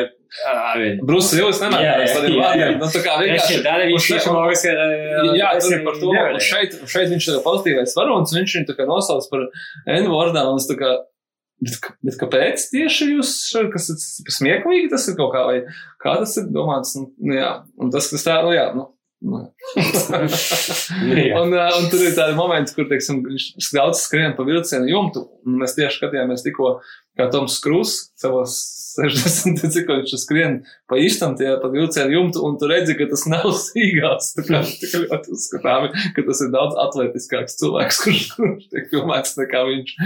Nu jā, un Ketrina Hīgo. Ak, Mans dievs. Tomam Krūzam tiešām ir 58. Man liekas, ka viņam ir 50 kaut Kāpēc kas. jau viņi nu, filmē tos 50 Missions tagad, vai viens no Davids, līdz 60. Nu, ok. Ja īstus vai 90. Andrus. Savs kosmosu. Jā, es vienkārši tāpēc, ka es, es, saku, es sāku pētīt to prime video, un es noskatījos, es neatzīmēju, es noskatījos pusi no Toma Krūza filmas Oblivion. Tā tāpēc man. Nekā, vispār nekāda jēga. Es nezinu, kāpēc. Es esmu vienkārši redzējis viņu, pēc tam man šeit divas reizes. Pagaidi. Es nezinu, kāpēc man sagribējās noskatīties, tur ir tur smuka, tur ir Islanda, tur, tā kā, tur pirmā, pirmajā filmas daļā ļoti maz runā, viņš lidinās apkārt, tur rāda kaut kādus tos, tā kā screensavers, tur ir sabrukusī, tas stadions sabrukusīs, Empire State Building, tā. Pagaidi. Es, es nezinu, kāpēc. Man kaut kā, es, es skatījos, vienkārši brauzēju cauri, domāju, kaut kas jāuzliek, ko es pirms sniegu tipa aizmigt. Un, un Sanāca. noskatījos pusi, jā, nu, es nes- neskatīšos beigām, nav, nav vērts, bet smuki jau smuki filmu. Tas ir interesanti par, jā, par režisors. Es, es mēģināju saprast, skatoties pusi filmas, kas ir tas moments, kāpēc viņi iedeva Džozefam Kamsinskim divas reizes milzīgu naudu, ja tās filmas ir pilnīgi sterili, tukšas. Viņš ir nenormāli smuki, Viņš uh, toreiz taču nebija, nebija teicis, ka viņš ir visionary. Viņš ir visuāli, bet vai, nu, tas nav tas pats, kas Tagad visionāri. tā otra, tu domā, tronu? Tieši tā. Jā. Nē, nu, viņas Nē, ir. nu, bet viņā tā Augstas.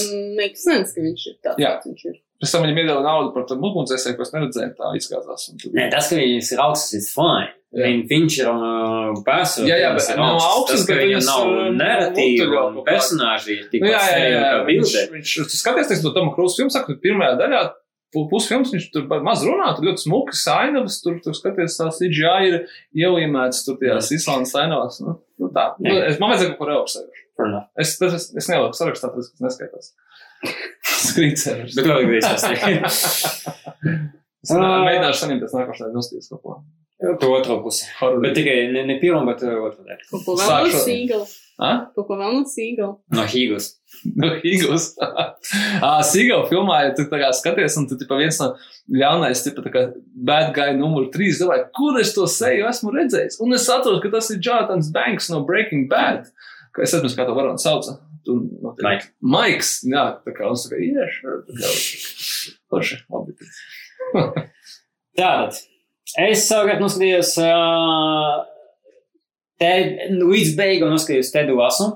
Par to jau minēju, bet uh, gribēju vēl tā kā nopaļot uh, un ieteikt vēlreiz, par cik uh, šajos uh, drumajos uh, laikos, gan skatoties uz uh, laiku ārā, gan skatoties uz uh, slimības un profilakses uh, tvītiem, uh, tad, tad, uh, teica Lasu, varbūt tieši būtu tāds pozitīva vārdiņš, kas ir uh, tīpaši 20. gadā.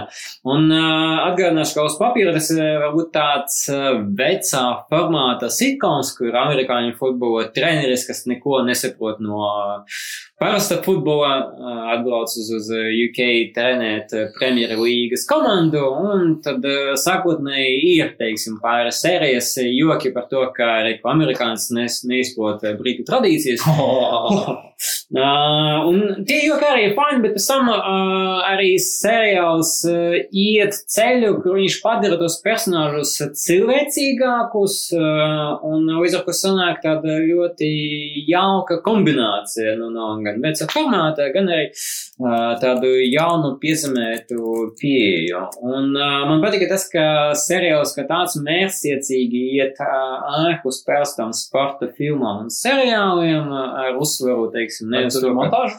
Ne uz, nē, ar uzsveru, ka, zini, kā seriāls parasti ir tagad, vajag uzvarēt, uzvarēt, uzvarēt. Pēc Lasona šis nav baigas spoilers, viņš uh, ir tas, kas pasaka participation award, ir tas, kas galvenais, uh, kas uh, neiet īsti kopā ar dažu spēlētāju un ar varbūt viņu kolēģis domām par to, kas ir galvenais. Pirmā Uh, vieta no beigām, normāli. Hmm? Pirmā vieta no beigām. normāli. kā daži 22. producenti. vietas un Uh, un uh, tas, kas man patika, arī ir tā galvenā ziņa par to, ka domāt ne tikai par sevi, bet arī par citiem, kas arī varbūt šobrīd ir īpaši aktuāli. Uh, tā kā es noteikti iesaku veltīt laiku un pa brīdinājumu īstenībā varētu visu seriju arī noskatīties. Uh, tas ir pieejams uz Apple TV Plus.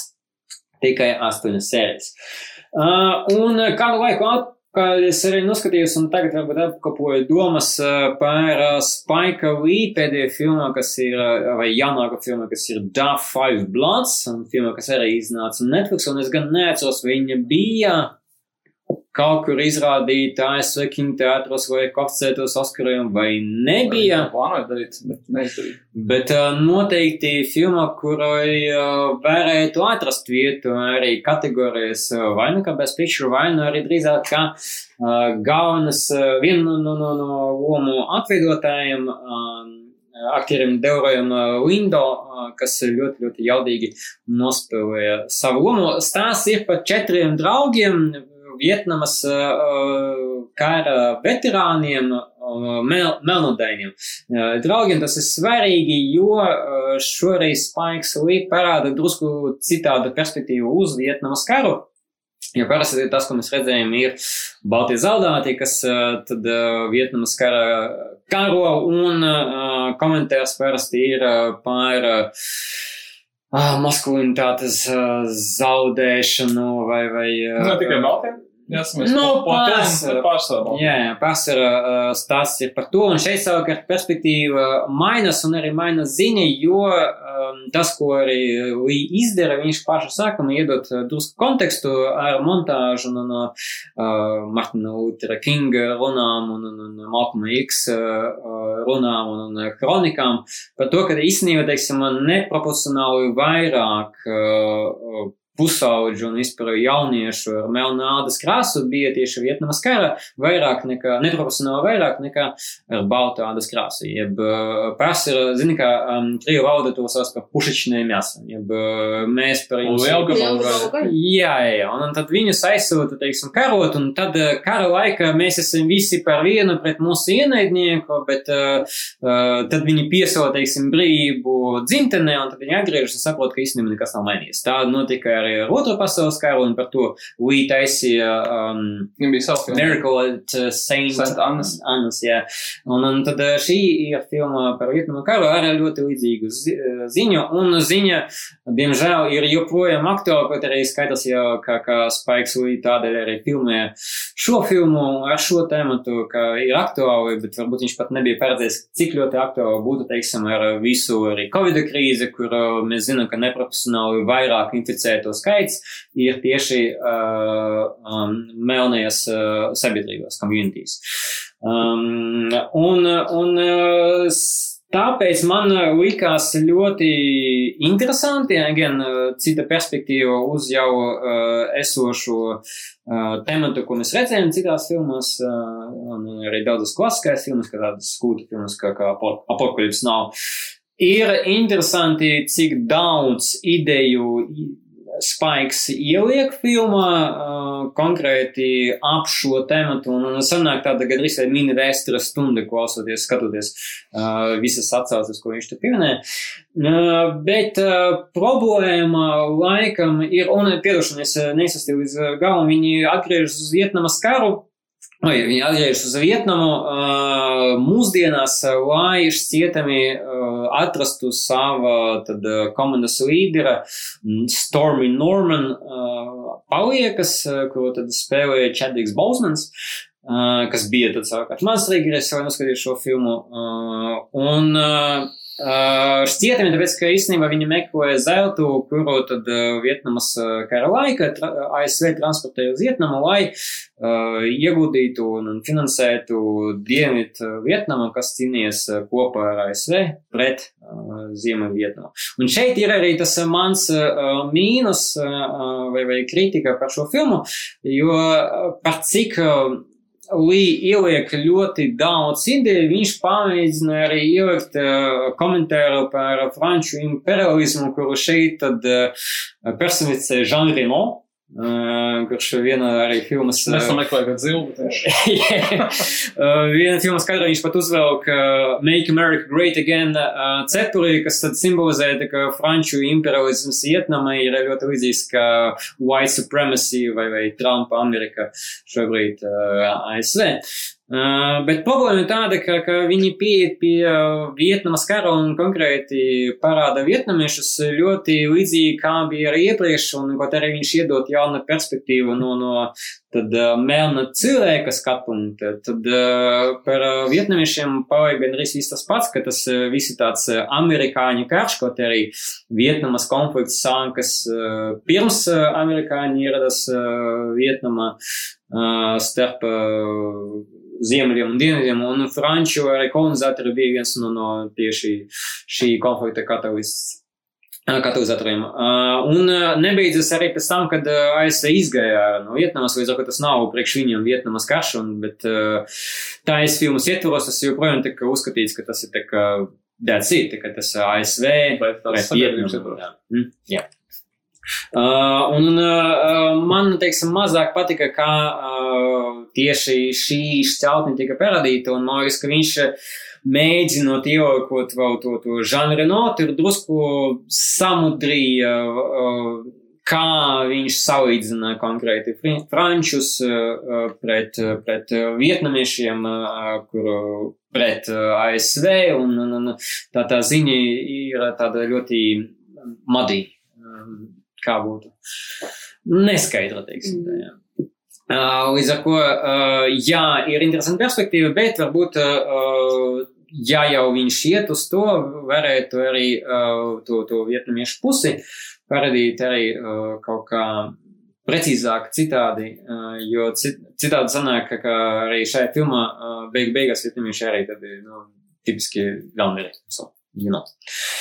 Tā, tā, tā, bet eh, noteikti iesaku filmu ir pieejama Netflixā uh, un uh, ir eh, ļoti jaudīga un ar nestandarta narratīvu, jeb viņa arī tā pagara virs Divas ar 20 pus. man liekas, jā, jā. Līdz ar ko noteikti var rekomendēt par to, ka viņu varētu saīsināt un to varētu darīt, bet no otras puses uh, filma iet gan raiti un, un, un uh, ir interesanti, kur viņi tā kā novirzās. Tālāk. Bet ko tad mēs uh, varēsim vēl noskatīties uh, šonadēļ un nākamnedēļ? Kinoteātros? Mhm. Fingers crossed. Jā, Līs, tā. tu pat, pat pateici, ka vai visi močiem Netflix un mana filma jaunā ir ārā, es uz kinotēcu neiešu, kamēr nebūs vakcīna atklāta. To gan atceros. Bet viņš daudz tvītojas kaut ko īstenībā maina domas. Nu, kamēr kinoteātris mums vēl ir vaļā, jūs droši varat atnākt uz uh, klasiskajiem seansiem, jo, nu, jauna filma tagad mazāk, tad atkal ir vieta klasikai, un tad uh, mēs piedāvājam ļoti vismaz daudz ko. Hmm. Gluži tā kā vasarā. Uh, ir gan Matrix triloģija, viss vēl varat paspēt nostīties, gan pirmo, gan otro, gan trešo daļu. Katrai ir pa kādam sēnsam. Ļoti daudz, gan no otrajā un trešajā sēnē droši vien neplānojam tā, ka baigi ilgi nevelciet garumā. Tā kā, ja jūs gribat nākt, nu, Nu, es teiktu, ka šobrīd vajadzētu, tieši jā. tā, ka mēs nezinām, kas būs pirmdien ar kinotātiem. Tā tālāk, viņi gribas noskatīties, nu, baigi. Mēs gribētu parādīt, bet uh, mēs darīsim, ko varēsim, bet, uh, bet tas, kas ir saplānos, izmantojiet iespēju skatīties. Jā, Matrix triloģija, tad uh, The Great Gatsby, Buzz Lerman ar DiCaprio. Es notestēju to filmu, un tad, uh, nu, vai pārbaudīt, un tā kā viņa tik smuka ir. Nu, Nu, ir, es vienkārši at- at- atceros, ka es domāju, ka ārprāts tur ir kaut kāds baigais CGI, tā New York pagājušā gadsimta sākuma tur kamera lido cauri. Domāju, kas viņam deva tādu piķi? Bet tev skatībā DiCaprio palīdzēja. Jā. Vārds. Tad uh, uz uh, oktobra beigām, uz Halloween, nu arī, protams, ir kino, vēl to laiku būs vaļā, mēs uh, rādīsim What We Do in the Shadows, jo, nu, Halloweenā šogad vajag, man liekas, kaut ko tādu arī priecīgu. Tad tas būs Mēs ilgi domājam, jā, ko varētu Jā. kaut kādas uh, nekāds it, dubu, it, dubult maratons uz sešām stundām vai kaut, kā, kaut ko tādu, bet, uh, nu, mēs sapratām, ka uh, mēs, nu, šeit mēs esam arī rādījuši kaut ko, un tā atsaucība nebija tikko jauna no cilvēkiem. Nē, es domāju, ka tas, ir, tas to, var, to var mainīt, bet šogad labāk kaut ko pasmieties. Jā, tā kā. Viņi ir pietiekuši asiņaini, tā kā viņi kvalificējas. Nē, nu viņam, man liekas, Halloweenam pilnīgi precīzi darījā. Tā kā, kā vampīrs, tur viss notiekās. Bet, bet var arī pasmieties, un tas, man liekas, galvenais. Viņiem viņš arī Hovin Bauīt. Ah, pareizi, jā. Jā. Noteikti, Nu, ka daudzi skatās uh, seriālu, jā. kas, nē, es gribēju teikt, Latvijā nav legāli pieejams. Nē, viņš bija, viņš bija. GO3? GO3. Jā. Uh, tā kā, ja nu kāds varbūt skaties seriālu, nav redzējis filmu, es nezinu, vai tādi Mm. cilvēki ir, bet mazums skatās. Nē, es, es pazīstu tādus, Nopietni, nu, tad lūdzu, šī ir iespēja redzējuši drausmīgu seriālu un kļūdu. sākumu līdz beigām. un Nē, seriāls ir foršs, Jā. bet, uh, bet, bet vajag redzēt Nu, no oriģinālo materiālu. Jā, protams. Nu, un, protams, novembra sākumā, 5. novembrī, kurā citā tad vēl datumā V for Vendetta. Piektajā un varbūt pēc tam. Nu, pēc tam, Nu, jā. redzēsim. Nāc uz piekto. un Bet, nu, jāsaka. 5. ir īstais. Jā. Kad skatīties. Tas no mūsu klasikas savukārt uh, kinoteātros visādi citādi no piekdienas ir jauna filma The Nets, jeb Līgsta, no Šona Bērkina režisora, kuram šī ir tikai otrā filma, uh, un viņš bija klusējis vesels deviņus gadus filmu ziņā. Viņa pirmā filma bija 2011. gadā iznāksīja Marta Marcy May Marlene, kas ir ar Elizabeti Olsenu. Bet uh, tur ir sasniegta šī intervija ar viņu vienā šajā afišā, Krievijas. Viņam pajautāja te pašu jautājumu, vecīt, ko, ko tu tur viss nodarbojies šo laiku? Nu, Viņam bija seriāls. "Nē, strādā, Kas jā." viņam bija? Viņam bija Broadchurch, ne, uh, viens no tiem brītu krimiķiem ar uh, Davidu Tenentu vai ar Mm. kādu Southcliffe. Southcliffe. Un viņš teica, ka Ah. Southcliffe man prasīja trīs, četrus gadus dzīves. Viņš jau saka, tāds cilvēks, kurš tagad lēnām visu kaut ko izdomā. Viņš teica, ka Marta Marsija Mērķa Marlīna man prasīja arī trīs, četrus gadus, kamēr es uzrakstīju, izdomāju, sataisīju. So viņš teica, kas tas par jautājumu, ko es esmu nodarbojies. Es strādāju visu šo laiku, tam nekā, ne, nav Nē, nekādas. nu, jā, bet zināmā tā sajūta tāda. Ridlijs Skots mums uz šo citādāk apskatās. Vai apskatās savu Wikipēdijas lapu? Nu, tad viņa otrā filma ir uh, Līgsda, kas stāsta par kādu pāri, kurš no uh, ASV, ja nemaldos no ASV, pārcēlis uz uh, Angliju, jo, nu, tur vajag jaunu dzīvi, jaunu darbu, jaunu situāciju, un tad uh, pārim sākas, protams, ģimeniskas problēmas, strīdi un konflikti un kas tik vēl ne. Un, ja esat uzņemts šausmu filmu stūri, Nu jā, viņi tad, tad, tad īstenībā. bet tā nav šausmu filma, kāds baidās. Nu, Mārta, Mārcija, Mēja, Marlīņa arī godā līmenī ir tāda šausmas. Jā, es domāju, ka, nu, jā, mēs visi piekrītam, ka šausmīgākie ir cilvēki. Nu, kā monstri, līdz ar ko, jā, jā. Un tā galvenajās lomās Džūda Labs un Kerija Kūna, tā ka ir uz ko arī paskatīties. Nu, man ļoti interesē šī filma. Uh, Mārta, Mārcija, Mēja, Marlīņa arī, ja nav redzēta, iesaku tad Mhm. spēcīgi. Nav gan beigt priecīgā tā, ka, nu, jā, bet, bet, bet, bet ir vērts. Un otrs jaunums kinoteātros ir uh, animācijas filma Lielās pēdas ģimene, kas ir par Bigfoot. Un tā ir uh, turpinājums 2017. gada filmai The Son of Bigfoot. Tā, ka tur tā ģimene ir izaugusi. Acīm redzot, jo no sākuma bija tikai dēls. Ā, tagad jau ir ā, es domāju, sākumā ir tā kā Bigfoot, tad ir son of Bigfoot, un tad ir Bigfoot pret čupakabru. Nu, tas varbūt būs nākamais. Tas būtu mana versija, bet man saka, sakojot, no Sato Sergeja iemījātiem King Kongam un kad zilai. bet te laikam viņi ir gājuši tad ģimeniskāk ceļu. un Oso nav bijis pirmā daļa vienkārši Bigfoot. Ir, arī ir bijis, bet tā ir cita filma. tā, man liekas, cik filma. uh, nu, un uh, vēl kino. Nu, un uh, šobrīd notiek arī Rīgas starptautiskais kino Kur festivāls. tas, ko es grasījos teikt. Ah, sorry.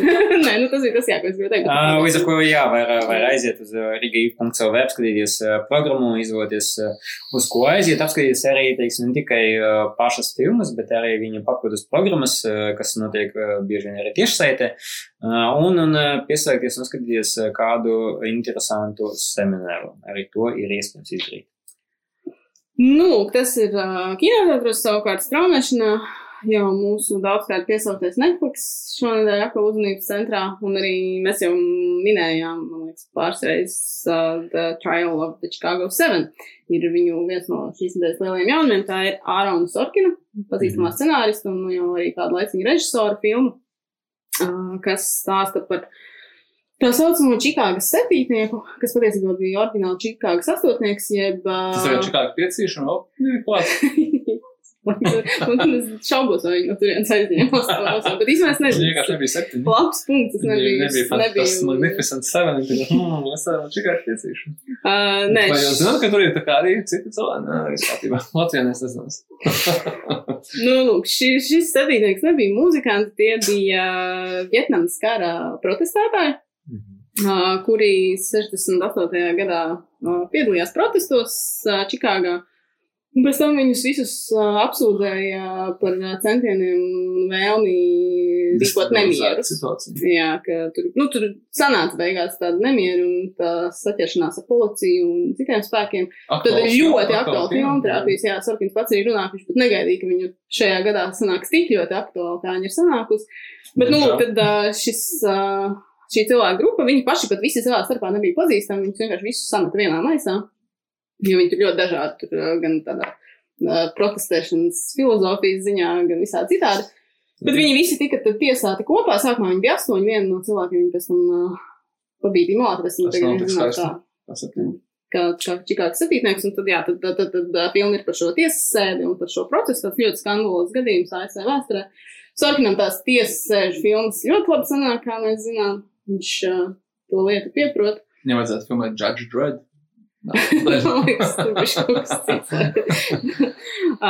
Tā ka, jā, te galvenajā lomā vienā no Saša Barons Koens, tā ka šonadēļ viņš vienā filmā, nākamnedēļ viņš jau būs kādā citā filmā. Tur ir Redijs Redmans, tur ir baigā, tur ir arī jau minētais Jāja Abduls Matīns otrais. Uh, Džozefs Gordons Levits, Maikls Kītons, Franks Langel, uh, Oh. tur ir uh, Marks Railens, Jeremijs Strongs, tur ir ļoti milzīgi tā aktieru sastāvs. Tā kā, nu, Jā, ļoti ka Marks. Rēmans paudzes no brīža, kad Spilbergs plānoja filmēt, un viņš pēc tam neizgāja ārā vairs. Tas ir labs jautājums. Jā, jo Viņš izstāsta viņa filmās, laikā. grasies uh, filmēt Spielbergs, bet beig beigās Storkins pats uzņēmās. Esmu diezgan labs sanācis, cik, es redzēju atsaukums. Tā ka, jā. Un uh, otrs jaunums, uh, tas būs Netflixā no 22. oktobra pieejams, būs uh, seriāla The Alienist otrā sezona Angel of Darkness. Apakšnosaukums. Uh, jūs kāds skatījāties pirmo? Bet man viņš vienmēr ir intriģējis. Viņš ir diezgan nesens. Es noskatījos Lūks. Evans, un tur ir. Tur ir Lūks Evans, Dakota Fanninga un Daniels Brūls. Jā. Viņi tēlo, ka uh, viens ir, tā kā, es tagad nesamalošu, Kuram- kurš psihologs, jā, viens ir uh, karikatūras, ne karikatūras, bet, nu, mākslinieks, kas avīzēm zīmē, un uh, Dakota Fanninga ir, no, sekretāra no sākuma, bet, nu, viņa tad ar laiku kļūst arī par detektīvu. Viņa izmeklē slepkavības. Nu, vai pareizāk, kaut vienu mm. tādu ļoti smagu slepkavību. Mm, tas notiek, uh, es tagad negribu samaloties gadsimtu, bet uh, 20. gadsimta pašā sākumā Jā, jā, vai jā, 19. tas- gadsimta pašā beigās. Ap to laiku. Jā, 19. gadsimta pašā beigās. Tas ir kā viņi veido to seriālu, tas, ko beigās skaidrās industrijas veiksmes stāsts. Tam ir uh, vācu producenti, nemaldos, kas ir salikuši viņu smuki kopā. Viņš filmēs man šeit Austrijā un Vācijā kaut kur tā. Nu, tur bija kaut kas tāds beigās, ka viņi tā kā paņem no malas, nu, tā kā cilvēki, kas taisīja priekš valsts televīzijas kaut ko, nu, ļoti lokālu produktu, un tik uztaisīt uz starptautisko hīteru. Jā, viņš ir Tieši. Tāds, uh, tāds redzējis, tā kā vēsturisks Mindhunter sakrustots ar Mm. kaut kādu negluži Sherlocku Holmesu, bet. Uh, bet Vai nu, tāds, Lūks Evans ir tāds Drako beigās? Šis varētu būt stealth sequels tam Drako filmai, jo tā kā, nē, no es viņš staigā pa dienu, bet tad viņš sasmērējies ar krēmu. Ai, nu tas ir sen, tad nebija krēma. Ah, tas, es gribēju teikt, viņš ir tā kā Mindhunter drusku sakrustots ar The Nick, jo tur arī tāds diezgan pretīgs ains ir. Ah. Bet uh, kopumā, jā, es skatījos, un tā pirmā sezona tīri labi patika. Tiešām tāds simpātisks, nekas tāds šausmīgs smags, bet uh, es iesaku. Un tad, jā, otrā sezona ir ar apakšnosaukumu Angel of Darkness, tur ir cita jau krimināla intriga, bet uh, es saprotu, ka šajā sezonā lielāka loma ir Dakotas Fanningas atveidotājai varonai, ka viņa vairāk tiek pie teikšanas, un tad, un tad redzēs, kā iet, ka jau atradīs to slapko. Okay. Vai arī neatradīs. Neesmu redzējis. es uh, neesmu noprecizējis, vai Netflix uzreiz visas sērijas būs pieejamas, vai arī viņas pat nedēļā Mm. laidīs ārā, bet, uh, bet, bet, bet jebkurā gadījumā sākums ir 22. oktobrī. Uh, es iesaku pamēģināt. Tīri, tīri, tīri Jā, tas, skatāms. tas, tas viņu pirmā tajā sarakstā, kurš ir garš, bet viņš nav tik zem. Un tas arī viss. Uh, es, es pieminēšu vienīgi, tas uh, nav gluži jauna, jauna filma, uh, bet uh, rītdien, jeb sēsdien uh, iznāk uh, If Bill Street Could Talk uh, uz Netflix uh, filmu, kur mēs uh, arī viena sensi radījām ASV? Karaļa valsts. Topoša karaļa. No otras daļas. Es atvainojos. Uh, cilvēku. Prikvēl. Vai prikvēl sikvēl? Nē. Nu, tur būs. Nu, labi, redzēsim, redzēsim, redzēsim. Vai? Uh, bet no Barry Jenkinsa, jā, viņa, viņas pazīstama uh, savu filmu, kuru mēs uh, rādījām vienasens uh, ASV neatkarīgo kino festivālu, kuru rīkojam uh, februāra martā sadarbībā ar ASV vēstniecību. Ļoti jaudīga filma uh, un arī uh, visai aktuāla, tāpēc noteikti iesākam, iesakam noskatīties. Fantastisku skaņu cilvēku. Jā. Nu, un arī vizuālais un aktieri viss, viss ļoti labs. Un plus arī tas, ka cik ļoti uh, netradicionāls narratīvs tur ir ielaists, uh, to arī ir vērts uh, aplūkot. Un šīs arī būtu viss uh, no mums. Uh, Šoreiz gaidām jūsu jautājumus, ieteikumus uz hello.kinowoods.lv vai citur mūsu sociālos tīklos. Šī podkāsta direktors Scott jūs dzirdēsiet pateicoties Tomam Celenam, un mēs viņam dosim vienu vienīgo vārdu. Surprise! Uh, un no kinokoda komandas paldies jums par uzmanību un līdz nākamajai reizei.